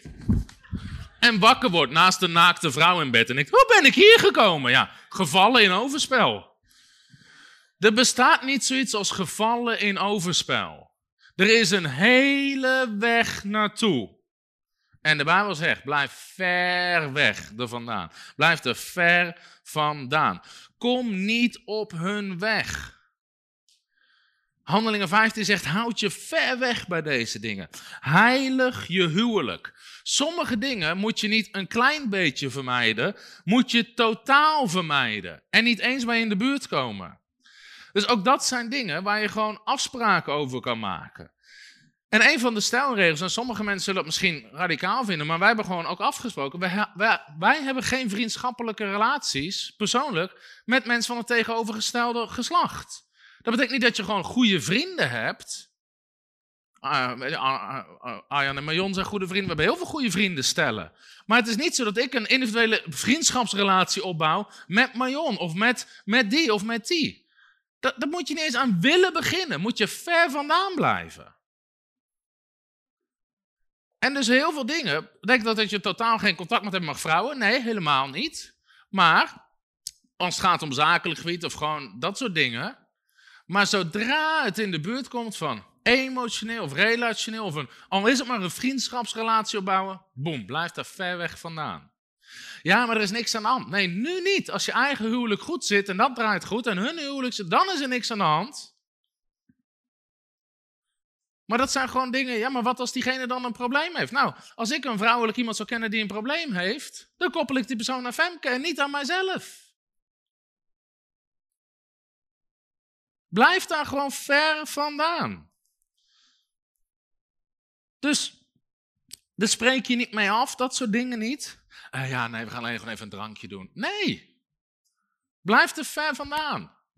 Ik had laatst met Wim Modderbach, Wim Modderbach en ik kennen elkaar goed. En we zaten laatst ergens te eten. En toen ging het eigenlijk wel een trieste situatie. Maar het ging over een bediening, dus die in overspel of ontucht was terechtgekomen. Met een, met een, man met een vrouw. En toen zei ik, ik zei tegen Wim, man, al zou ik willen, ik zou niet eens weten met wie. en we moesten allebei hard om lachen. Maar ik bedoel gewoon, er is niemand waar, waar je zodanig een relatie mee hebt dat je erin terechtkomt. Maak geen afspraken. Nogmaals, dit is misschien mijn persoonlijke mening, maar ik geloof dat de Bijbel zegt: blijf er ver vandaan. Ook niet als het gaat om, uh, om sporten, bijvoorbeeld. Weet ik veel, je zit op tennis of squash of wat. Het is niet wijs om dan een vrouwelijke trainingspartner of als vrouw een mannelijke trainingspartner, wat niet je eigen partner is, te kiezen. Dus zorg ervoor, ook op dat gebied, dat je helemaal geen geheimen hebt voor elkaar. En dat geldt ook soms op andere gebieden, blijven ver vandaan. Sommige vrouwen kleden, kleden zich zodanig dat ze gewoon onnodig aandacht trekken. Ook dat zijn dingen waar de Bijbel dingen over heeft te zeggen. Dat vrouwen zich tooien met eerbare kleding. Nou dan kan je discussiëren wat het wel en niet is, maar een rokje tot dit is het in ieder geval niet. En een topje tot hier ook niet. Als mensen vaak dat soort dingen doen, is er ergens al iets ongezonds. Als jij de behoefte hebt om door iedereen gezien te worden, is er ergens iets ongezonds in je identiteit en in je huwelijk. Amen. Geen amen, maar het is wel amen. Nou, en dit geldt ook over geestelijke zaken. Ga geen pastoraat doen als man met een vrouw. Zelfs met bidden vermijden wij het vaak in onze ministerteams. Als het enigszins kan, of je bidt met koppels, maar anders. En dan hebben we het alleen nog maar over openbare settingen, openbare diensten. Maar zelfs dan proberen we aan te sturen. Laat vrouwen bidden voor vrouwen, laat mannen bidden voor... Probeer, maar probeer daarop aan te sturen. Dus heilig je huwelijk. Blijf er gewoon ver vandaan. Blijf er ver vandaan. Nou, ik hoorde van een, uh, tenminste, landelijk bekend geval in Nederland waar een hele bediening kerk viel door een ontrouwe relatie. En heel veel mensen zeggen, ja, ja, die en die voorganger is in overspel gevallen of is ontrouw gevallen. Maar als je het verhaal hoort op de achtergrond, is dat helemaal niet aan de hand. Niet zo dat het geval is. Als je het verhaal op de achtergrond hoort, zeg oh, ja, die en zijn vrouw zaten acht jaar geleden daar al in huwelijkstherapie. Maar ze zijn er niet uitgekomen, maar ze zijn wel acht jaar lang doorgegaan met de bediening en alleen maar verder uit elkaar gegroeid. Dus mensen denken, oh, er is in één keer iets gebeurd. Er is niet in één keer iets gebeurd. Er is al acht jaar lang iets aan de hand. En mensen hebben zijn acht jaar lang uit elkaar gegroeid.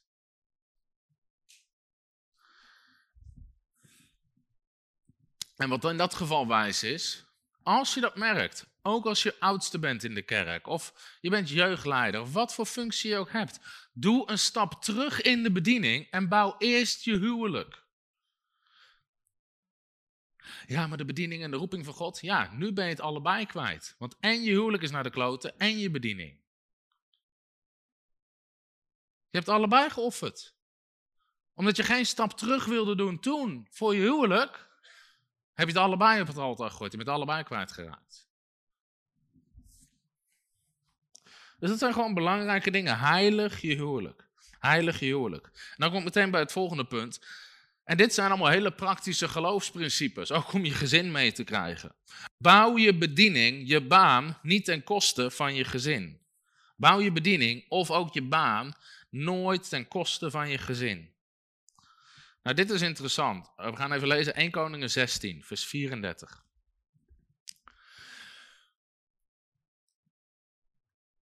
1 Koningen 16, vers 34. Hij mag ook op de beamer, hoef je hem niet op te zoeken.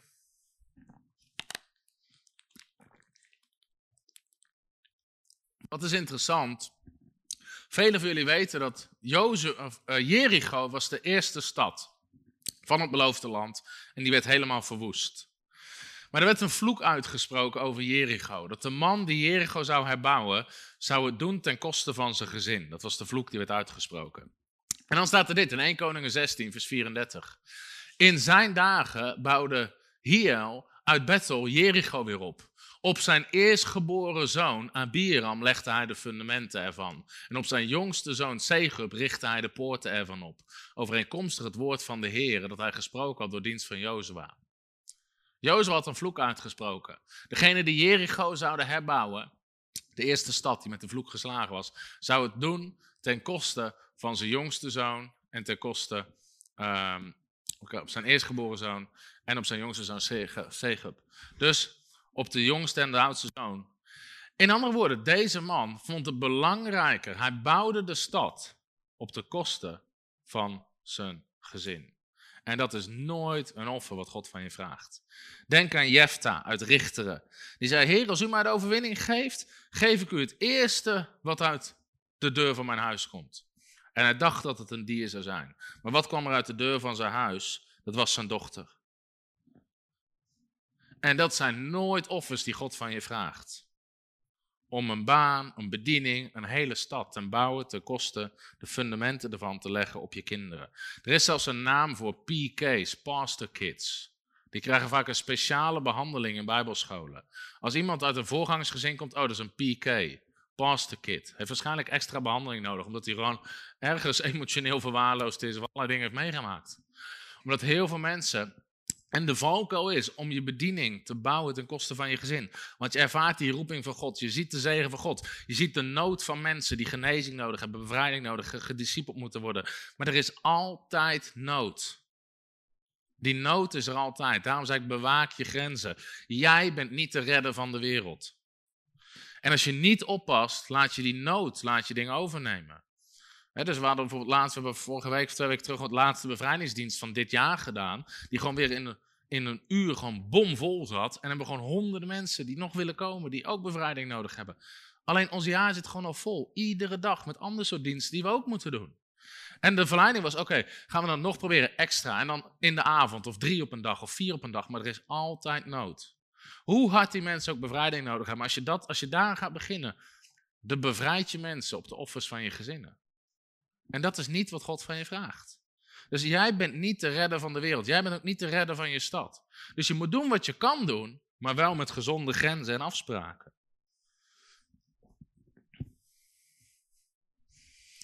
En daarom zeg ik, een van de dingen die wij hebben, is gewoon, Femke zet mij vrij in de bediening. En ik probeer natuurlijk veel te zijn voor het gezin, maar we hebben gewoon afspraken gemaakt. Dus wanneer ik wel thuis ben, wanneer ik niet thuis ben. Dus we hebben gewoon een afspraak, één dag in de week ben ik sowieso helemaal thuis voor het gezin. En dus vaak probeer ik de zaterdag, omdat op zondag ben ik altijd weg. Um, en ook dat zijn gewoon dingen. Want je wordt ook heel vaak gevraagd om op zaterdag te spreken. Er zijn ook altijd conferenties en dingen. Maar op een kom ik er gewoon achter, dat is de meest waardevolle gezinsdag. Want eerst ging ik ook altijd op zaterdag spreken. En zei ik, nou weet je wat, dan neem ik op maandag vrij. En dan zit je op maandag om half negen s morgens op de bank. Iedereen is aan het werk. Alle winkels zijn dicht. Er is geen reet te doen. En jij bent vrij. En denk je, oh, uh, zullen we naar vrienden gaan? Oh, nee, die zijn aan het werk. Oh, zullen we, zullen we iets leuks gaan doen? Nee, dat is dicht. En dan zet je maandag zet je elkaar aan te, aan te staren, te knipperen. Van, wat doen we hier? Weet je wel, we gaan werken. Dus we kunnen wachten, het werkt niet voor ons. Nou, hoe verleidelijk het soms ook is om ja te zeggen tegen allerlei samenkomsten en dingen, is het belangrijker om je gezin te heiligen. En dat geldt dus, maak de afspraak over. Wij hebben gewoon, we hebben standaard een date night. Ik ben één dag in de week vrij en verder maken we andere afspraken waar nodig is. En dat moet je dus samen afstemmen. Dat moet je samen afstemmen. Een ander zegt misschien, nou, ik wil dat je minimaal drie avonden thuis bent. Maar als je dat afgestemd hebt, weet je, oké, ik ben drie avonden ben ik thuis met mijn gezin en die andere vier kan ik gaan. Dat is gewoon duidelijk, dat is een grens. Maar dan heb je het afgestemd. Dan heb je erover overlegd en dan weet je waar je aan toe bent. En dan krijg je ook niet de discussie van, ja, maar ja, je bent veel te veel weg. Als je het afgestemd hebt.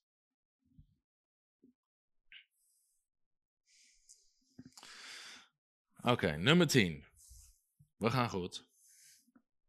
In je huwelijk en in je gezin hanteer en leef de Bijbelse principes. Onderwerp je aan het woord samen.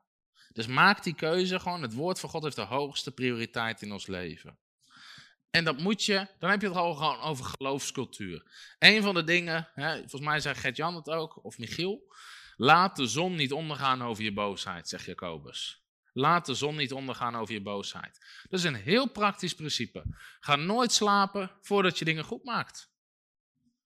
En dat geldt voor met elkaar, maar dat geldt ook voor met je kinderen. En nou, er kan een conflict zijn met je kinderen, maar hoe krachtig is het juist voordat je gaat slapen of voordat je kinderen slapen, zeg weet je wat, de Bijbel zegt dat we niet de zon moeten laten ondergaan over onze boosheid. Laten we het bijleggen.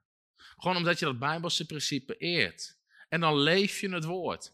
Vergeef elkaar. Gewoon, dat zijn hele simpele dingen, maar het is zo krachtig. Vergeef elkaar. Gewoon, dus er zijn zoveel opdrachten in de Bijbel. En ik hoef ze natuurlijk niet allemaal op te noemen. Maar het gewoon, heb je vrouw lief? Nou, maak dat dan praktisch. Geef je geloof, weet je, maak er daden van. Weet ik veel, koop bloemen, doe iets. Koop chocola. Als je iets ziet, doe gewoon iets. Heb het lief. Amen, vrouwen. Als ze van bloemen houdt in ieder geval. Ik, mensen beginnen meteen alle andere wensen te roepen. Bonbons, chocolade. Tegen je eigen man zeggen. maar maak dat dan, maak het gewoon praktisch. Van hoe kan ik mijn vrouw liefhebben? Hoe kan ik er iets aan doen? Gert-Jan Lene terug. vrouwen, respecteer je man. Laat dat merken. Maar ook spreek respectvol over elkaar. Soms hoor je, kom je op verjaardag of zo, of, of dan zie je een groep vriendinnen of een groep vrouwen. ja, die vent van mij. En ze zijn helemaal negatief aan het spreken over een eigen partner. Of andersom. Dat mannen allemaal negatief spreken bij, bij, bij zijn van hun vrienden over een vrouw. En dat, zijn geen, dat, dat heeft niks te maken met een geloofscultuur. Sterker nog, het haalt een hele cultuur onderuit in je, in je, in je gezin. Dus ook roddel, eerlijkheid, vergeven. Juist je huwelijk, juist je gezin is de beste plek om je geloof praktisch te maken. Want je komt elke dag dingen tegen. Met je kinderen, met elkaar, met financiën. En overal kan je geloof op toepassen. Overal kan je zeggen, hé, hey, wat zegt het woord hierover? En dan gaan we dat doen. Dat is gewoon een geloofscultuur. Wat zegt het woord hierover? Dus, heel concreet, je komt allerlei dingen tegen. Bid gewoon samen voor dingen. Nogmaals, je hoeft niet iedere dag samen te bidden en tijd met God te houden, maar dingen die je tegenkomt, bid daar gewoon samen voor. Zeg dan gewoon als je op je date night hebt of een ander moment, als je s'avonds in bed legt, van nou, wat zegt eigenlijk de Bijbel hierover, deze situatie waar we nu tegenaan lopen, waar we mee te maken hebben, of, of in een groot, bredere familie. Oké, laten we er samen voor bidden. En misschien zit je zelf soms even moeilijk, vraag dan gewoon, hé hey schat, wil je voor me bidden? Stap gewoon uit bij elkaar. Weet je, bid voor elkaar. Wees ook daarin kwetsbaar en deel gewoon dingen met elkaar. Want dan ben je gewoon aan het bouwen aan een cultuur. Je hebt soms, ik heb soms echt paren gehoord of meegemaakt, die durfden niet hardop te bidden in elkaars bijzijn.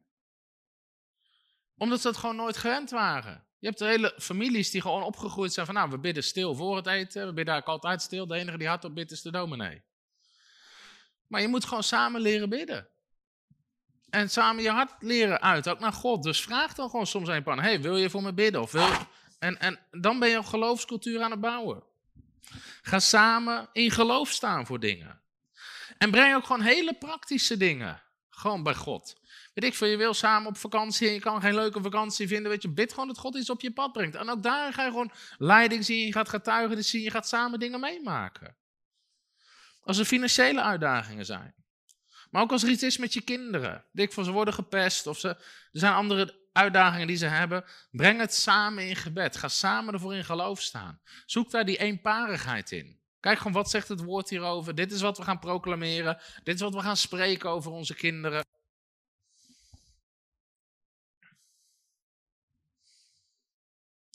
Nou, met financiën. Bijvoorbeeld, kijk, financiën. Jezus noemt financiën, geld, het minst in het koninkrijk van God. In Lucas hoofdstuk 16. Hij zegt, als je niet trouw bent met het minste, de onrechtvaardige mammon, wie zou je dan het ware goed geven? Nou, het ware goed zijn, zijn, zijn dingen die echt waarde hebben. Hemelse dingen, geestelijke dingen. Dus financiën zijn het minste. Financiën is ook het mooiste waar je gewoon heel concreet mee kan beginnen met geloof. Dat je gewoon samen zegt als je nog niet doet. Weet je schat, we gaan gewoon we gaan tiende geven. Bijbelse opdracht, wij gaan tiende geven. Dan maak je meteen je geloof praktisch. En ook dat zijn dingen die je gewoon af kan stemmen. Dat je aan het begin van het jaar zegt, hey, hoeveel willen we weggeven dit jaar? En dan gaan we God ook geloven dat, dat, dat we dat kunnen doen. En dan gaan we daarnaar leven. En dan ben je al heel praktisch bezig om samen een cultuur te bouwen. Dus wij hebben Femcave voor de kinderen van die paapotjes. En er zitten dan eh, vier of vijf vakjes in. Het is een soort huisje. En dan eentje is uh, sparen, eentje is gewoon uitgeven, iets van kopen. Eentje is delen, dus als je, uh, maar eentje is ook geven aan de kerk. Vier vakjes, zegt dat goed? Ja. En dan leer je je kinderen al heel jong van oké, als je centjes hebt, weet je, hoe ga je daarmee om? Niet alles is uitgeven, niet alles sparen, maar je leert je kinderen gewoon geven. En dus Matthew dat volgens mij 80 cent of zo. Toen, maar mocht het verdelen en dan was ja, Eén voor de Heer Jezus, één voor de Heere God. Dus die kreeg al dubbel. Dat was al mooi. en, uh, maar dan leer je kinderen ook, weet je, je kinderen nog heel geven. Delen, weet je wel. En, en als je ze daar al zo mee opgroeit, en dan leer je ze gewoon al dat soort dingen. Dus ook Michiel zijn tip, weet je, deden wij ook van, oké, je moet werken voor, weet je, als je iets wil, je krijgt het niet zo, maar dan moet je iets voor werken. Dus nou, in één keer is hij altijd huis aan het opruimen, maar wel voor centjes.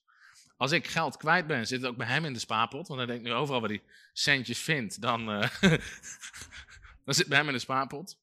En hij slaapt met Sef op de kamer. Dus Sef die heeft een, uh, vos met een speen eraan. En die, die gooit hij dan uit bed en dan hoopt hij dat wij hem komen brengen. Dus we hebben zo'n babyfoon met zo'n camera. Dus Femke die zei dan, uh, Matthew, wil je even de vos teruggeven aan Sef? Ja mama, voor centjes. Dus worden gewoon gechanteerd via de camera. Gewoon waar je bij staat door een ventje van 3,5. Dus heeft gewoon met Sef een verdienmodel. Sef gooit de vos eruit. Hij, uh, misschien delen ze de winst wel, ik weet het niet.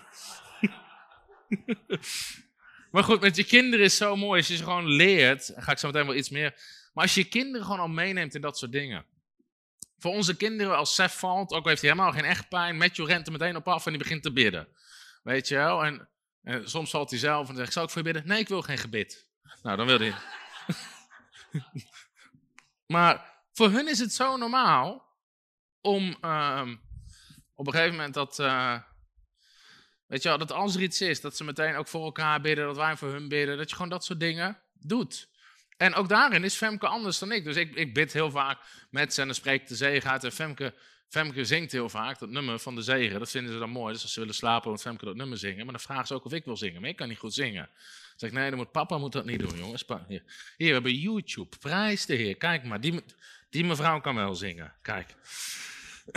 Maar neem je kinderen gewoon in dat soort dingen mee. Maar ook samen. Dus kom daar ook in op één lijn. Met hoeveel wil je weggeven? En begin gewoon met tiende en dat soort dingen. Maak dat soort dingen bespreekbaar. En soms, ja, maar weet je, en daarom, kijk, als je, als je partner ongelovig is en je zit nog niet op één lijn, kan dat lastig zijn. Maar anders kun je gewoon zeggen, ja, maar we, we onderwerpen, willen ons leven toch echt onderwerpen aan Gods woord. Dan, moet, dan is dit gewoon waar we mee kunnen beginnen, wat heel praktisch is. Maar ook als iemand in je gezin wordt aangevallen met ziekte, ga dan staan, samen in geloof staan. Bid voor elkaar met geloof. Zalf desnoods de ander met olie, maar weet je, ga daarvoor in geloof staan. Ook als je door allerlei tegenstand of stormen heen gaat, juist dat zijn momenten waarop je je geloof kan toepassen. Als er verlies is, als er tegenstand is of tegenslag of moeilijkheden, juist dan is een mooi moment om samen je uh, geloof toe te passen.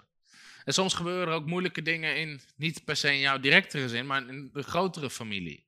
En een van de dingen die wij ook geleerd hebben is van nou, aan de ene kant, soms kunnen dingen heel heftig zijn. Maar aan de andere kant, prijs God. Dit kan een kans zijn dat iemand Jezus leert kennen. Want vaak in de nood van mensen en vaak in de problemen van mensen leren mensen God kennen. Of staan mensen open voor het evangelie. En dat zijn juist de mooie momenten. En ook dat was, is grappig, of dat is helemaal niet grappig, maar wel hoe Matthew ermee omging. Uh, Femke, de vader, had een tijdje terug een hartinfarct gehad. En die, die moest naar het ziekenhuis. En, of hij was in het ziekenhuis en wij gingen daarheen. En op een gegeven moment liep hij met Matthew daar door de gang heen. En uh, het ging erover, ja, van, kunnen de artsen hem dan genezen? En Matthew die liep dus samen met zijn met zijn opa en die zegt, ach opa, artsen kunnen niet alles genezen, maar koning Jezus kan alles genezen, zegt hij.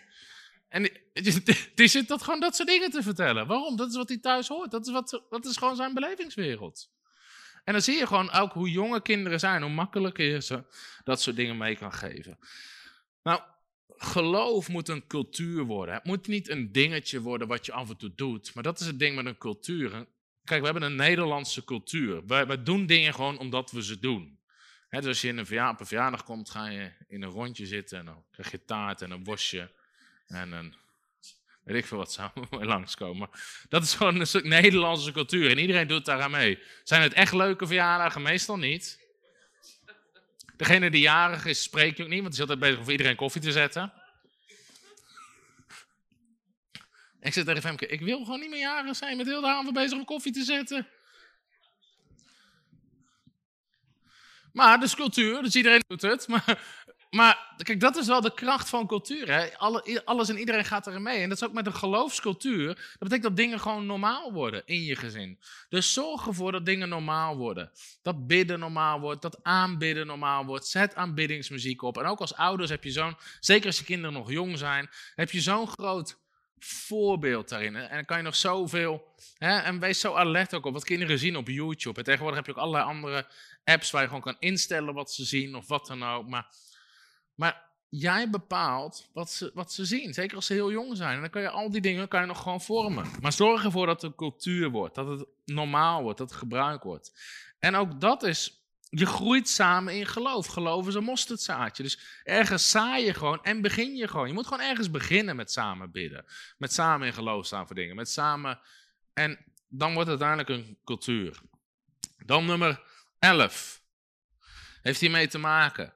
Trek samen op in geloof. Trek samen op in geloof. Daar heb ik een aantal hele praktische dingen voor. Voor sommige mensen zullen sommige dingen niet relevant zijn. Maar nummer één is gewoon, ga samen naar dezelfde kerk. Ik heb echtparen gezien, waarbij de een zich meer evangelisch voelde of charismatisch. En die ging dan op zondag naar de charismatische kerk. En de andere die wilde gewoon graag in de traditionele kerk blijven. Ik heb het nooit goed zien komen. Ga samen naar dezelfde kerk. Ga samen naar dezelfde kerk. Ja, maar wat als we dan allebei naar een andere kerk willen? Nou, dan is dat iets wat je samen uit gaat vechten. En dan kan de een zeggen, nou wacht, ik kies gewoon voor nederigheid. Weet je, als mijn partner er niet aan toe is, blijf ik hier zitten en ik haal mijn voeding op andere plekken. Maar het is ook mooi als de ander zo volwassen kan zijn, dat hij zegt van nou, weet je wat, ik, groei mijn, ik, ik gun mijn partner zijn geloofsgroei en beleving, dus ik ga mee naar een andere kerk waar die dat meer ervaart. En dan zegt hij, we onderwerp je aan elkaar, heb elkaar lief, respecteer elkaar. Maar ga nooit allebei naar een andere kerk. Ik heb het nooit goed zien komen. Want mensen groeien uit elkaar. En dat is heel praktisch. Maar ook als je het ziet of je spreekt iemand, zegt ja, nee, ik ga hier, maar mijn vrouw gaat altijd daar, stop ermee. Gewoon meteen zeggen, stop ermee. Dit gaat niet goed komen. Dit gaat niet goed komen. En ergens is een probleem, is ergens iets van egoïsme. Ook een heel geestelijk jasje. Ja, maar hier ervaar ik God heel mooi. Mooi, maar als je huwelijk naar de donder gaat, is het niet waard. Wees dan de nederigste.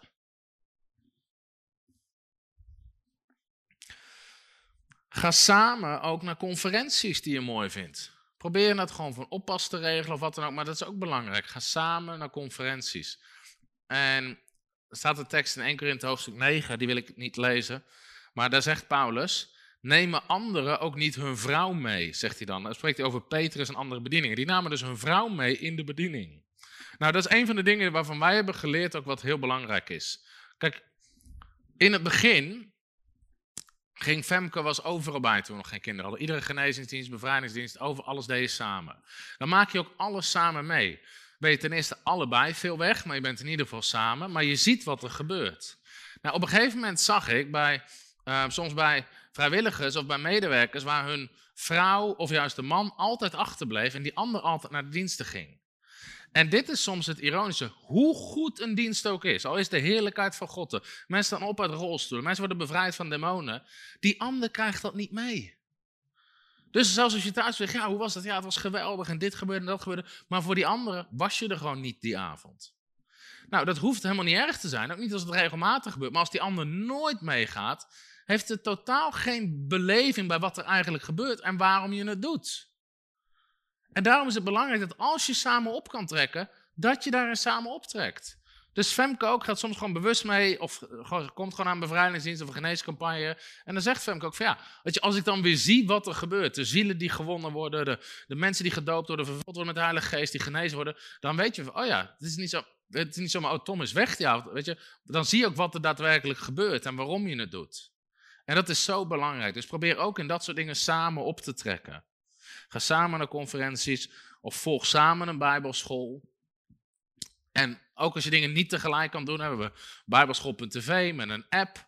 En spreek dan gewoon af, oké, we luisteren allebei één les per week. En dat spreken we een keer door. Van, hé, wat heb je eruit gehaald? Wat raakte je? Wat vond je moeilijk? Weet je, dan ben je ook samen bezig. Ik heb net al gezegd, bid samen over dingen. En, en verdiep je in de geloofsgroei van de ander. Dus uh, Svemke tegen mij zegt, hey, ik heb echt een goed boek, probeer ik hem ook te lezen. Of in ieder geval een stuk te lezen. Te kijken van, hey, wat, wat spreekt eraan? Of want als zij daar een stuk geloofsgroei in ervaart, denk ik, hey, ik ben benieuwd wat die boodschap is en wat ze dan pakt, zodat ik dat ook pak. Zodat je ook samen groeit in geloof. Dus trek samen op in geloof. En zorg ook dat je dus niet uit elkaar groeit. Dat je niet uit elkaar groeit.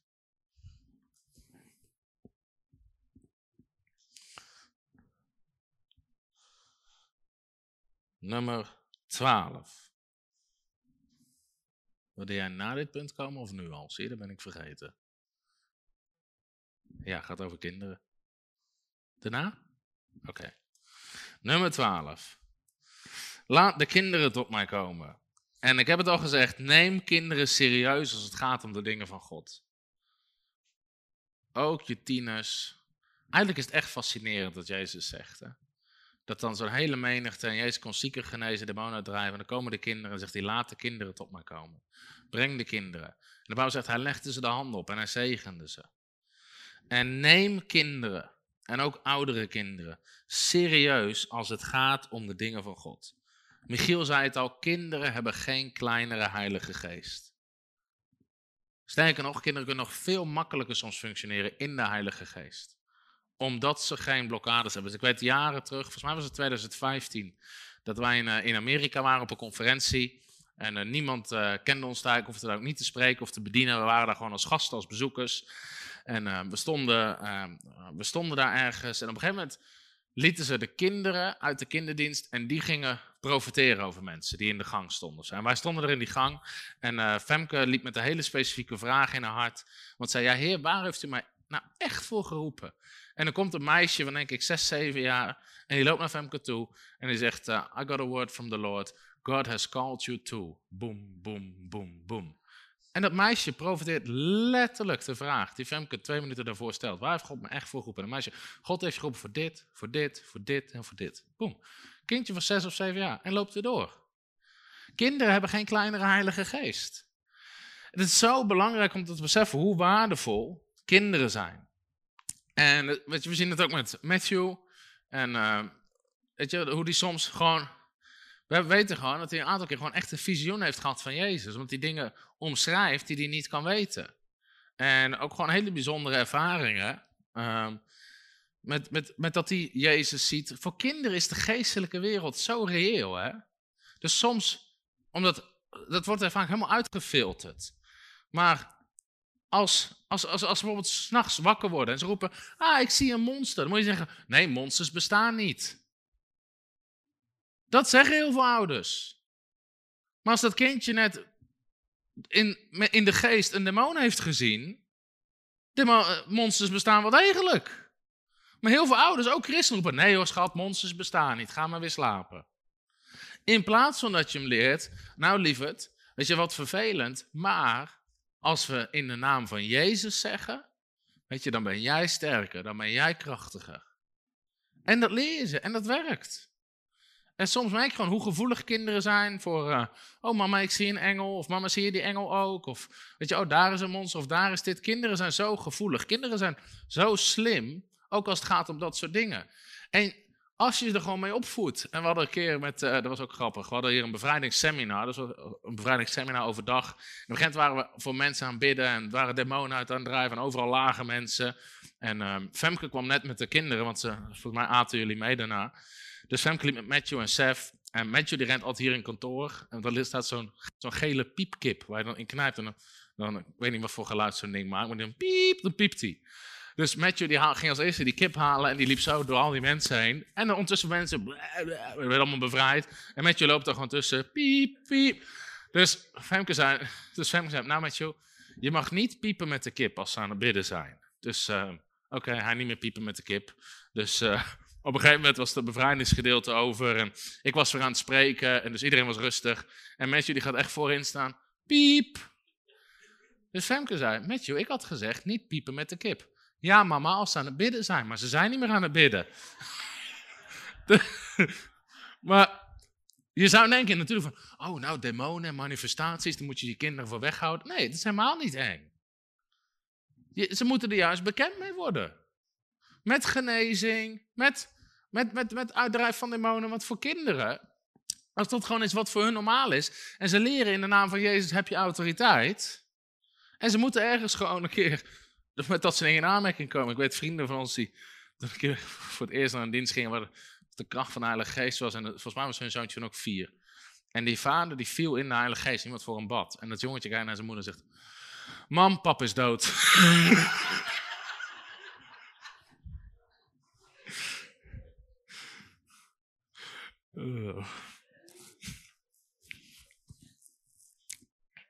Maar goed, Matthew is 3,5 en hij bidt in tongentaal. Hij spreekt gewoon in tongentaal. Dus ook kinderen, jong, kunnen vervuld worden met de Heilige Geest, kunnen spreken in tongentaal, voor elkaar bidden. En uh, het grappige was, we hebben, volgens mij was vorig jaar zomer alweer toevallig iemand gedoopt. Die kwam tot geloof en die doopten we en uh, Matthew ging mee. En dat zijn dingen die onthouden ze. Dus hij reed van de week langs dat strandje met hem en zegt hij, hé hey man, maar hier hebben we iemand gedoopt en hij weet het nog steeds. En soms moeten we hem even afremmen met dopen, want we hebben een zwembad buiten staan en mijn moeder zat op te passen. In één keer ziet mijn moeder Matthew met Sef onder water, weet je. En mijn moeder, Matthew, Matthew, wat doe je? Oh, maar dit is dopen, zegt hij. Dus toen uitgelegd dat hij dat niet hoeft te doen in het zwembad en niet bij Sef, maar uh, hij wil altijd kerkie spelen. Dan moet ik op de schouw gaan staan, moet ik preken. Dan gaat hij, zet dan drie stoelen neer, één voor Femke, één voor Sef en één voor Matthew. En als ik klaar ben, zegt hij, zo, nu gaan we Sef dopen. Sef is al 36 keer gedoopt. Iedere keer weer.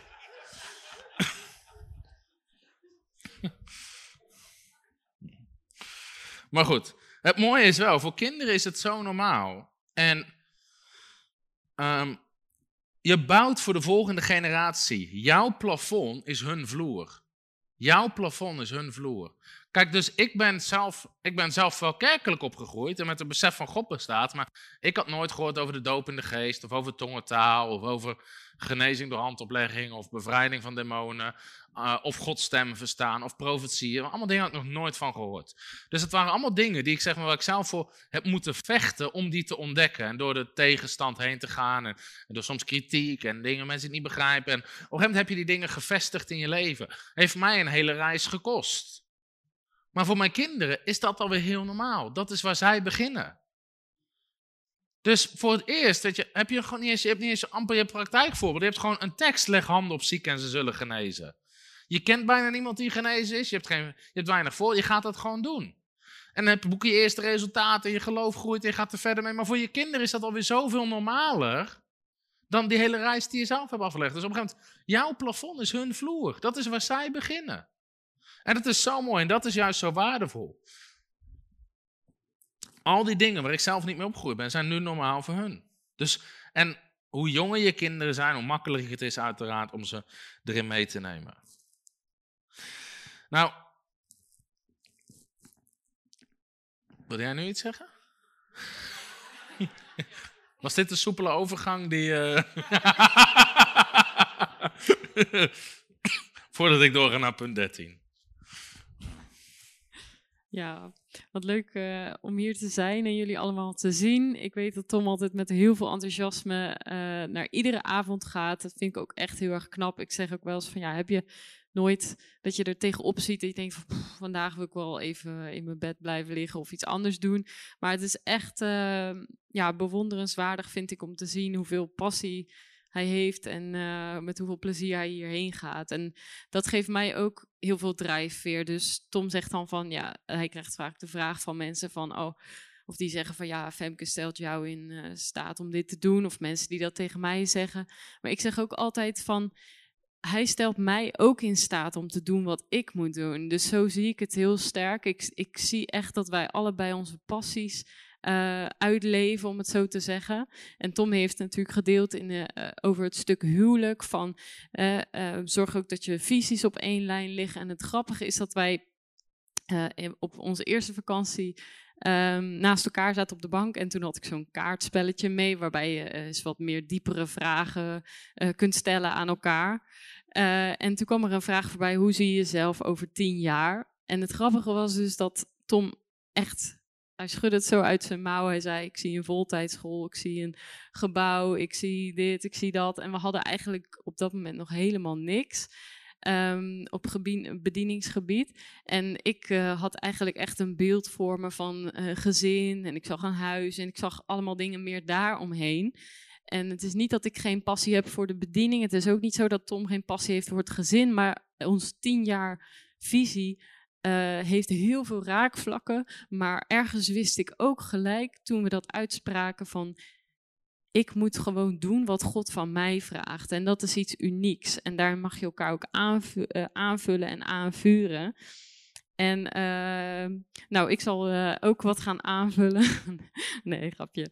Ik, ehm, tenminste, ik ga wel aanvullen, maar eh, niet over elk punt wat Tom zegt. Uh, het is wel grappig, want uh, soms krijg ik wel eens de opmerking van... Uh, ja, je kan wel merken dat je wat minder bij de diensten bent. Want Tom die gaat soms helemaal los met zijn grappen. Maar um, nou ja, goed. Ik zat ook te denken, misschien kunnen we naast de gebedslijn... ook een soort kliklijn openen. Dat jullie mij kunnen bellen.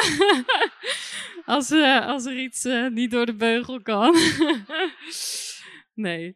Um, maar ik, uh, ik ben uh, um, inderdaad ook um, ja, in, in het gezin uh, heel erg bewust van de geloofscultuur die wij uitdragen daarin. we hebben heel veel opgelet en geluisterd naar de verhalen hoe we het niet willen. laten we eerlijk zijn, we hebben geloofshelden die ons zijn voorgegaan. Maar er zijn ook zeker veel geloofshelden die inderdaad hun familie of hun huwelijk wat links hebben laten liggen in een bepaalde mate. En Tom en ik hebben altijd geweten van dat, ja, dat willen wij niet. En hoe gaan we dat concreet aanpakken om dat uh, zelf niet zo te hebben. Um, en daarmee wil ik gelijk ook zeggen, uh, dat waren een paar punten die ik op mijn hart kreeg om te delen. Uh, ga er nooit van uit dat jouw kind um, daarin geen problemen ondervindt. Dus heb nooit het wat dat betreft verheerlijk je eigen kind niet. En dat, dit kan ik niet per se uh, zeggen over mijn eigen kinderen dat ik dat doe, doe. Maar ik weet wel dat bijvoorbeeld mijn ouders altijd dachten dat ik heel erg braaf was. Nou, ik ben, uh, tot, ik ben uh, tot bekering gekomen in mijn tienertijd. En er is ook zeker een groot deel van mijn tienertijd dat ik absoluut niet braaf was, maar wel heel erg braaf overkwam. Dus mijn ouders dachten dat ik dat was. En ik heb echt alles ook tegen ze verteld. Dus er zijn geen geheimen meer. Maar um, ik heb dit ook uh, gezien in de bedieningswereld. Ik heb ook mensen gezien die dachten dat hun kinderen uh, ja, uh, heel erg, um, ja, gewoon ja, bijna heilig, gewoon van, oh de, nee, dat doen onze kinderen niet. Maar ga, ga daar niet van uit. En wat ik daarmee bedoel te zeggen is, in geloof ga daar wel van uit. Dus spreek uit, mijn kinderen zullen de Heeren dienen. Dat is iets, daar kun je gewoon op gaan staan, want dat staat in het woord van God. Maar houd alles bespreekbaar met je kind en in het, in het um, belangrijkste in de tienerfase. Want uh, ja, je kan er niet op aan voor wat je ziet. Zorg echt dat je uh, fijngevoelig bent voor je kinderen en dat je aanvoelt in welke fase ze zitten. En, en, en ja, um, trigger ze om daarover te praten. En dat is dus iets wat ik, ja, wat ik in mijn eigen tienertijd ehm, uh, heel erg heb beseft en waar ik dus net aan terug moest denken. En iets van de dingen waar ook veel ouders denk ik tegenaan lopen op dat gebied, is ja, welke grenzen stel je dan wel en niet?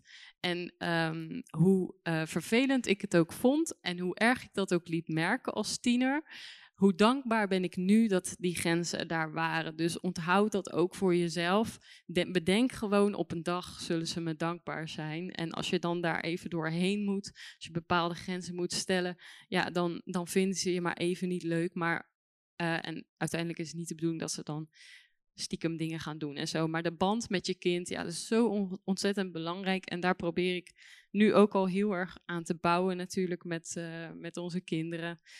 Um, en met Matthew is het inderdaad ook zo, die is dan uh, drie en die kan ook goed praten. Dus uh, daarmee kan ik ook gewoon bespreken als, er, als ik bijvoorbeeld een keer niet lekker in mijn vel zit. Zo'n dag heb ik ook wel eens. Dan zeg ik gewoon van, oh, en dan neem ik hem gewoon mee van, we gaan nu bidden. mama die gaat nu eventjes bidden. En in de auto bijvoorbeeld, dan bid ik in tongentaal en dan ziet hij dat ook. Dus dat zijn allemaal dingen die zijn gewoon heel belangrijk om te laten zien. En um, uh, even kijken hoor.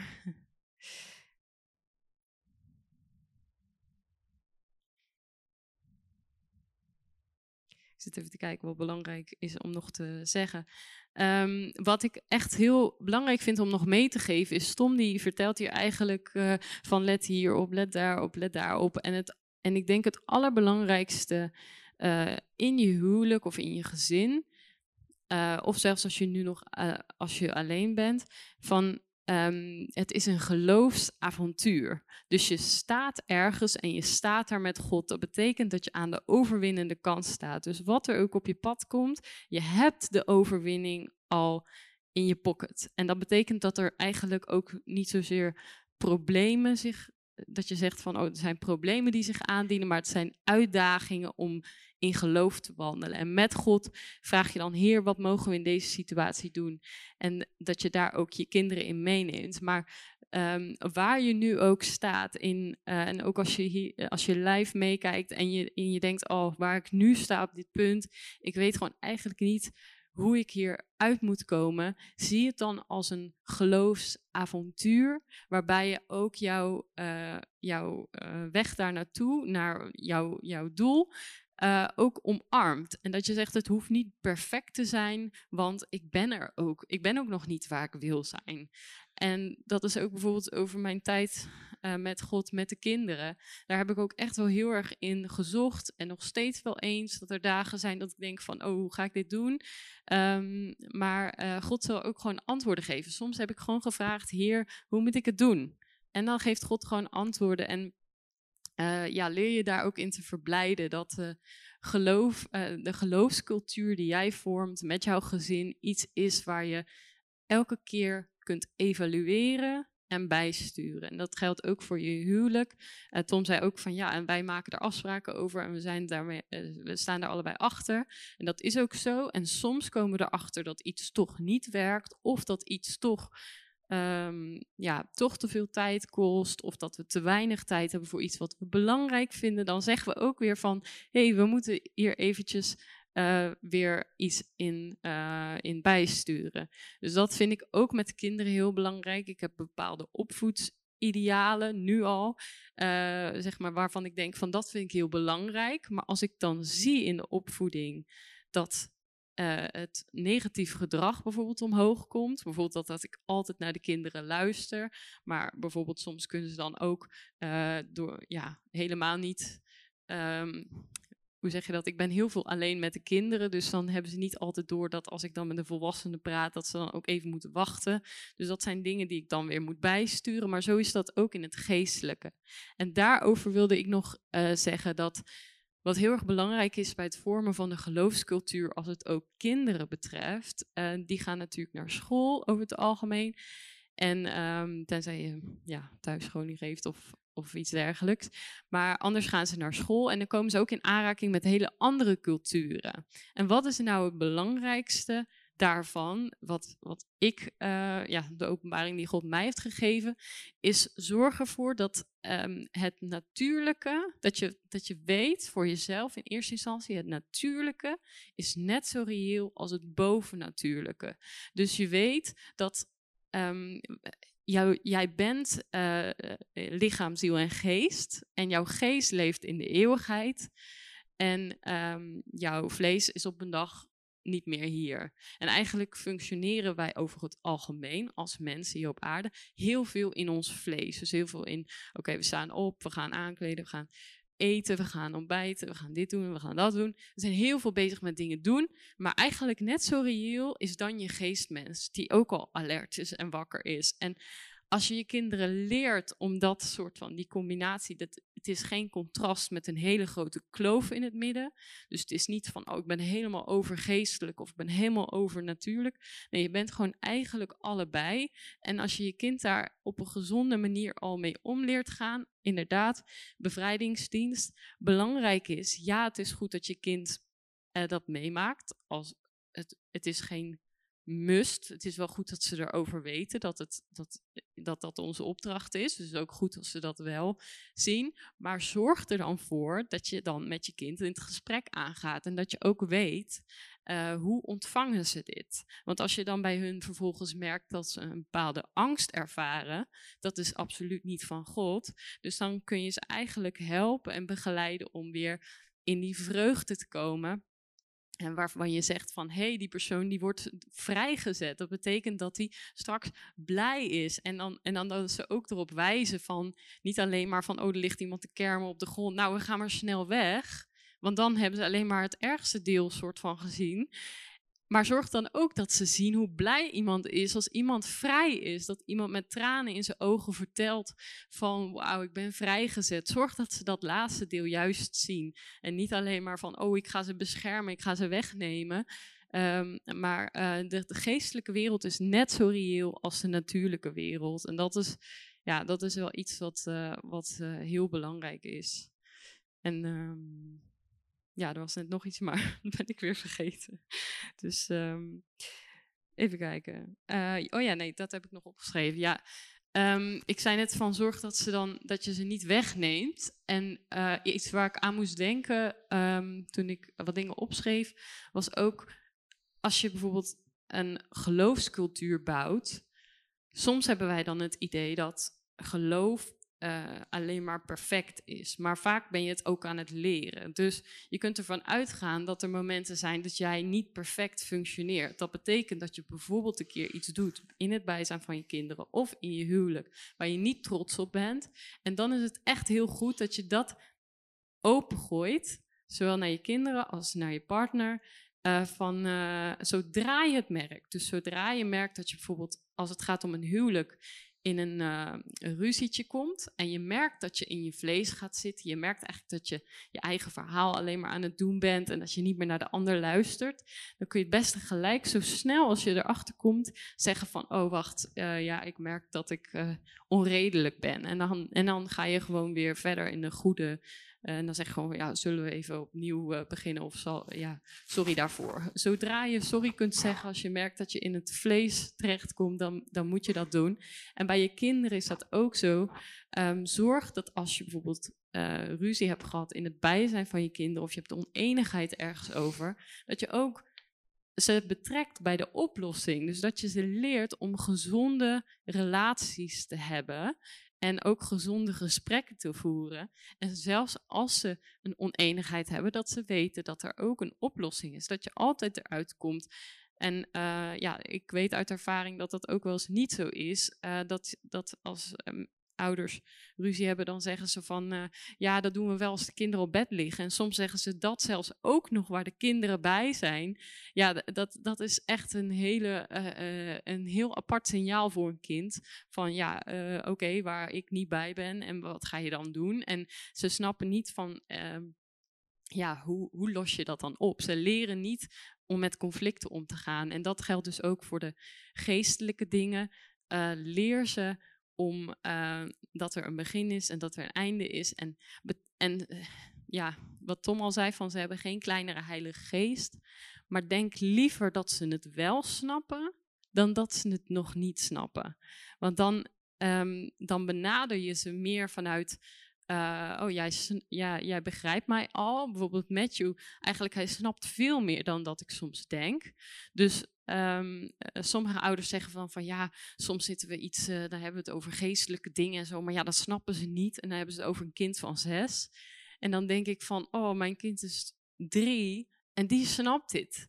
En het is niet zo van, oh, wow, uh, kijk mij, want het is, is niet mijn verdienste. Het is ook iets Um, um, ja, wat hij blijkbaar ook gevoelig voor is of wat hij snapt. Maar uh, uh, kijk niet naar leeftijd en, en, en zie inderdaad eerder in van, oh mijn kind snapt al meer dan ik denk, dan dat je denkt, oh nou, dat zal die wel niet snappen. En dan dat je bijvoorbeeld zegt tegen je kind van, oh dat bespreken, of dat je bij in het bijzijn van je kind zegt van, oh dat bespreken we als, je er, als die er niet bij is.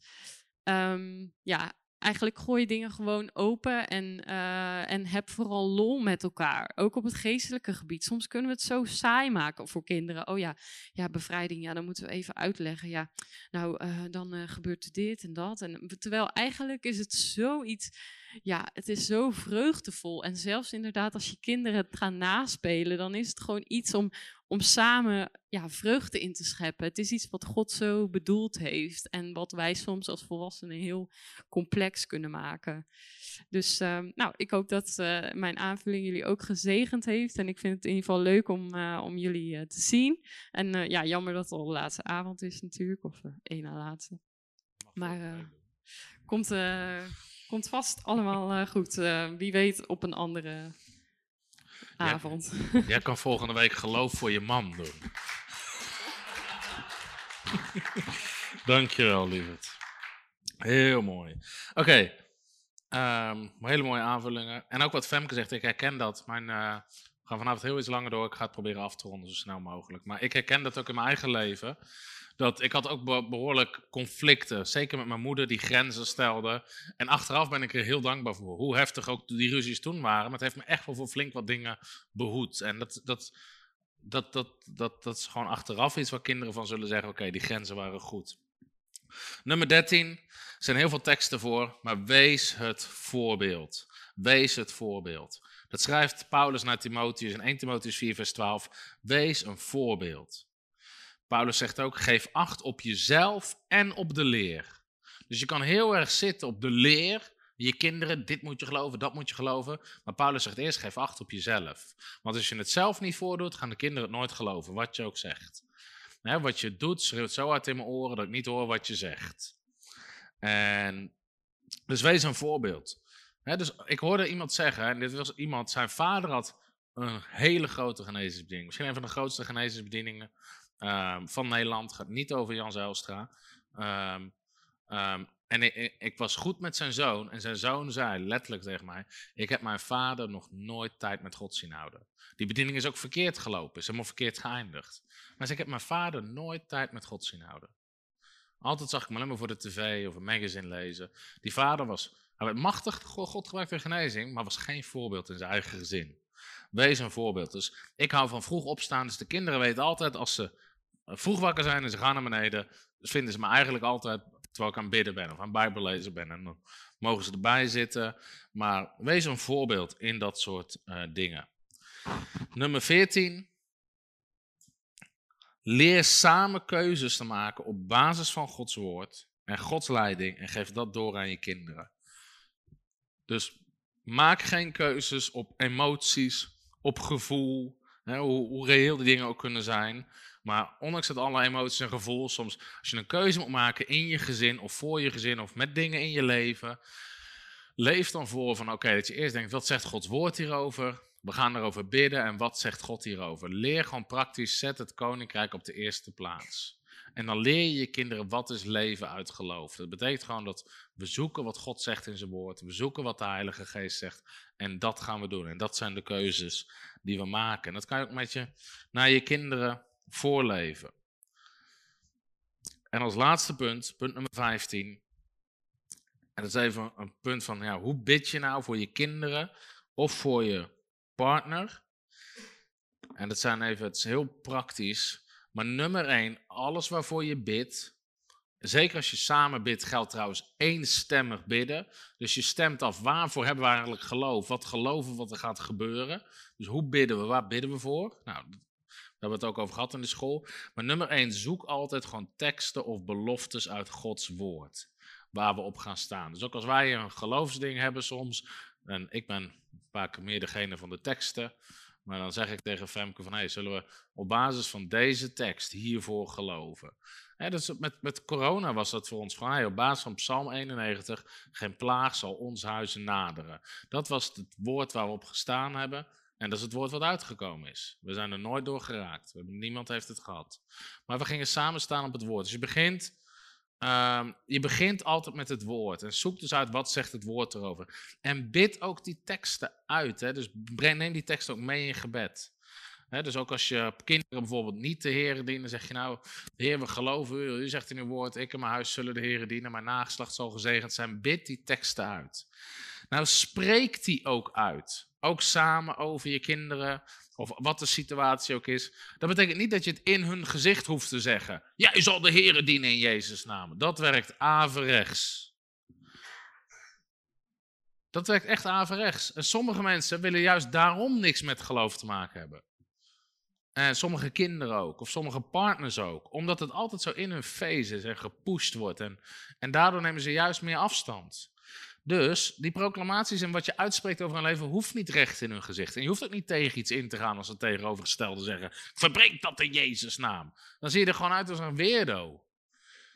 En heel veel mensen, omdat ze eigenlijk geestelijk bepaalde angst hebben. En weet je, nou zeg, je kan niet vervloeken wat God gezegend heeft. Dus zelfs als iemand negatief over jou spreekt, weet je, wees gewoon rustig, wees volwassen, wees emotioneel volwassen. Want anders stoot het er helemaal af. Dus zoek teksten en bid die uit. Spreek die ook. En je kan ook autoriteit nemen over de duisternis. En nummer vier is dus, ga niet pushen, maar wees een voorbeeld. Uiteindelijk als jij het voorbeeld bent en als jij de vrucht hebt in je leven, dan heb je iets wat zij niet hebben. Of dat nou gaat over je kinderen, of dat gaat over je partner. En dan zal er een keer een gelegenheid komen dat ze ervoor openstaan en dat je merkt, wacht, nu is de openheid er, nu is de gelegenheid er om er iets over te zeggen of om samen te bidden of wat dan ook. En heel vaak is het juist beter om er niks over te zeggen. Als, het, als je het hebt over echt oudere kinderen die niet meer mee willen naar de kerk, als je het hebt over kinderen die 18, 19 of 20 zijn, of weet je, ga niet lopen pushen. Dat werkt averechts. Geloof voor ze, spreek het over ze uit, bid het woord over ze uit, ga niet lopen pushen, wandel gewoon in liefde, wees het voorbeeld. En een moment komt dat ze ernaar vragen, of dat ze hulp nodig hebben, dat ze weten, jij hebt iets wat wij niet hebben. En, en dan vaak is er in één keer de gelegenheid, of dan in één keer is de kans daar. Amen. Zijn je gezegend door vanavond, door het onderwijs de laatste avond van de Faith School. Nou, we hebben alle punten behandeld. We hebben ook nog een uh, paar honderd mensen die online kijken. Dus mijn voorstel is om volgende week gewoon online te doen. Hoef je niet heen te rijden. Dus als je vragen hebt, stuur ze gewoon in. Dan zullen we een Q&A doen. We zullen ook live vragen beantwoorden. We hebben 19 lessen gedaan. En met volgende week dus uh, een mooi rondgetal 20 met de Q&A. En we zijn natuurlijk helemaal begonnen met geloof, schotsbetaalmiddel. We zijn nu geëindigd met geloof voor je gezin en je huwelijk. En ik denk dat we heel wat waardevolle content hebben neergezet. Het is bijna 40 uur, misschien denk ik wel, aan onderwijs. Um, ik vertrouw erop dat je gezegend bent. Uiteraard, um, het boek, hè, daar staat ook heel veel in. Geloof voor het onmogelijk, wat je gratis kan bestellen. Maar ik wil gewoon uh, bidden, ik wil je vragen om te gaan staan. En uh, trouwens, ook als je online kijkt en je wil ons helpen om nog meer van dit soort onderwijs te verspreiden, ook als je in de zaal zit, maar wil ik je oproepen, uitnodigen om partner te worden. Word gewoon partner, klik op de link onder de beschrijving. Help ons om nog meer mensen te bereiken. Maar ik wil ook speciaal gewoon een zegen bidden vanavond over dit onderwijs en over al het onderwijs, dat dit gewoon echt Nederland in zal gaan en ook Nederland zal veranderen en gezinnen zal veranderen. Vader, we zijn u zo dankbaar voor uw heilige woord en de leiding van uw heilige geest. Heer, we zijn u dankbaar voor geloof, dat u daarmee werkt, Heer. En, en voor alle openbaringen, de dingen die we geleerd hebben. Heer, en uh, ja, ik bid ook eigenlijk wat ik zei vanavond, dat ons plafond hier weer de vloer is voor de volgende, maar dat dat ook zo zou zijn met dit geloofsonderwijs. Dat, we hebben hier een heel stevig fundament neergezet, we hebben een hoop neergezet, maar ik bid dat het vanaf hier weer verder wordt genomen. Heer, ook in ons leven, dat u ons nieuwe openbaringen geeft, dat we verder zullen groeien, maar ook voor iedereen die dit kijkt en die hiermee bezig gaat. Heer, dat we samen met het hele lichaam van Christus uw hele rijkdom zullen ontdekken, ook over het thema geloof.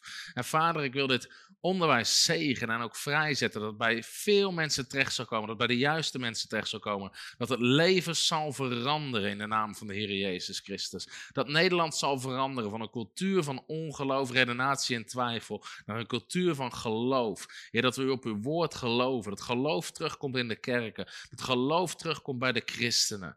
Vader, zo willen we dit woord zegenen en erover uitspreken dat het honderdvoudig vrucht zal dragen.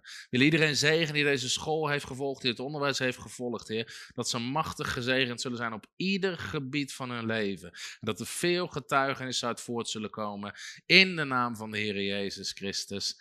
Amen en amen. Halleluja. Hartelijk bedankt voor je deelname.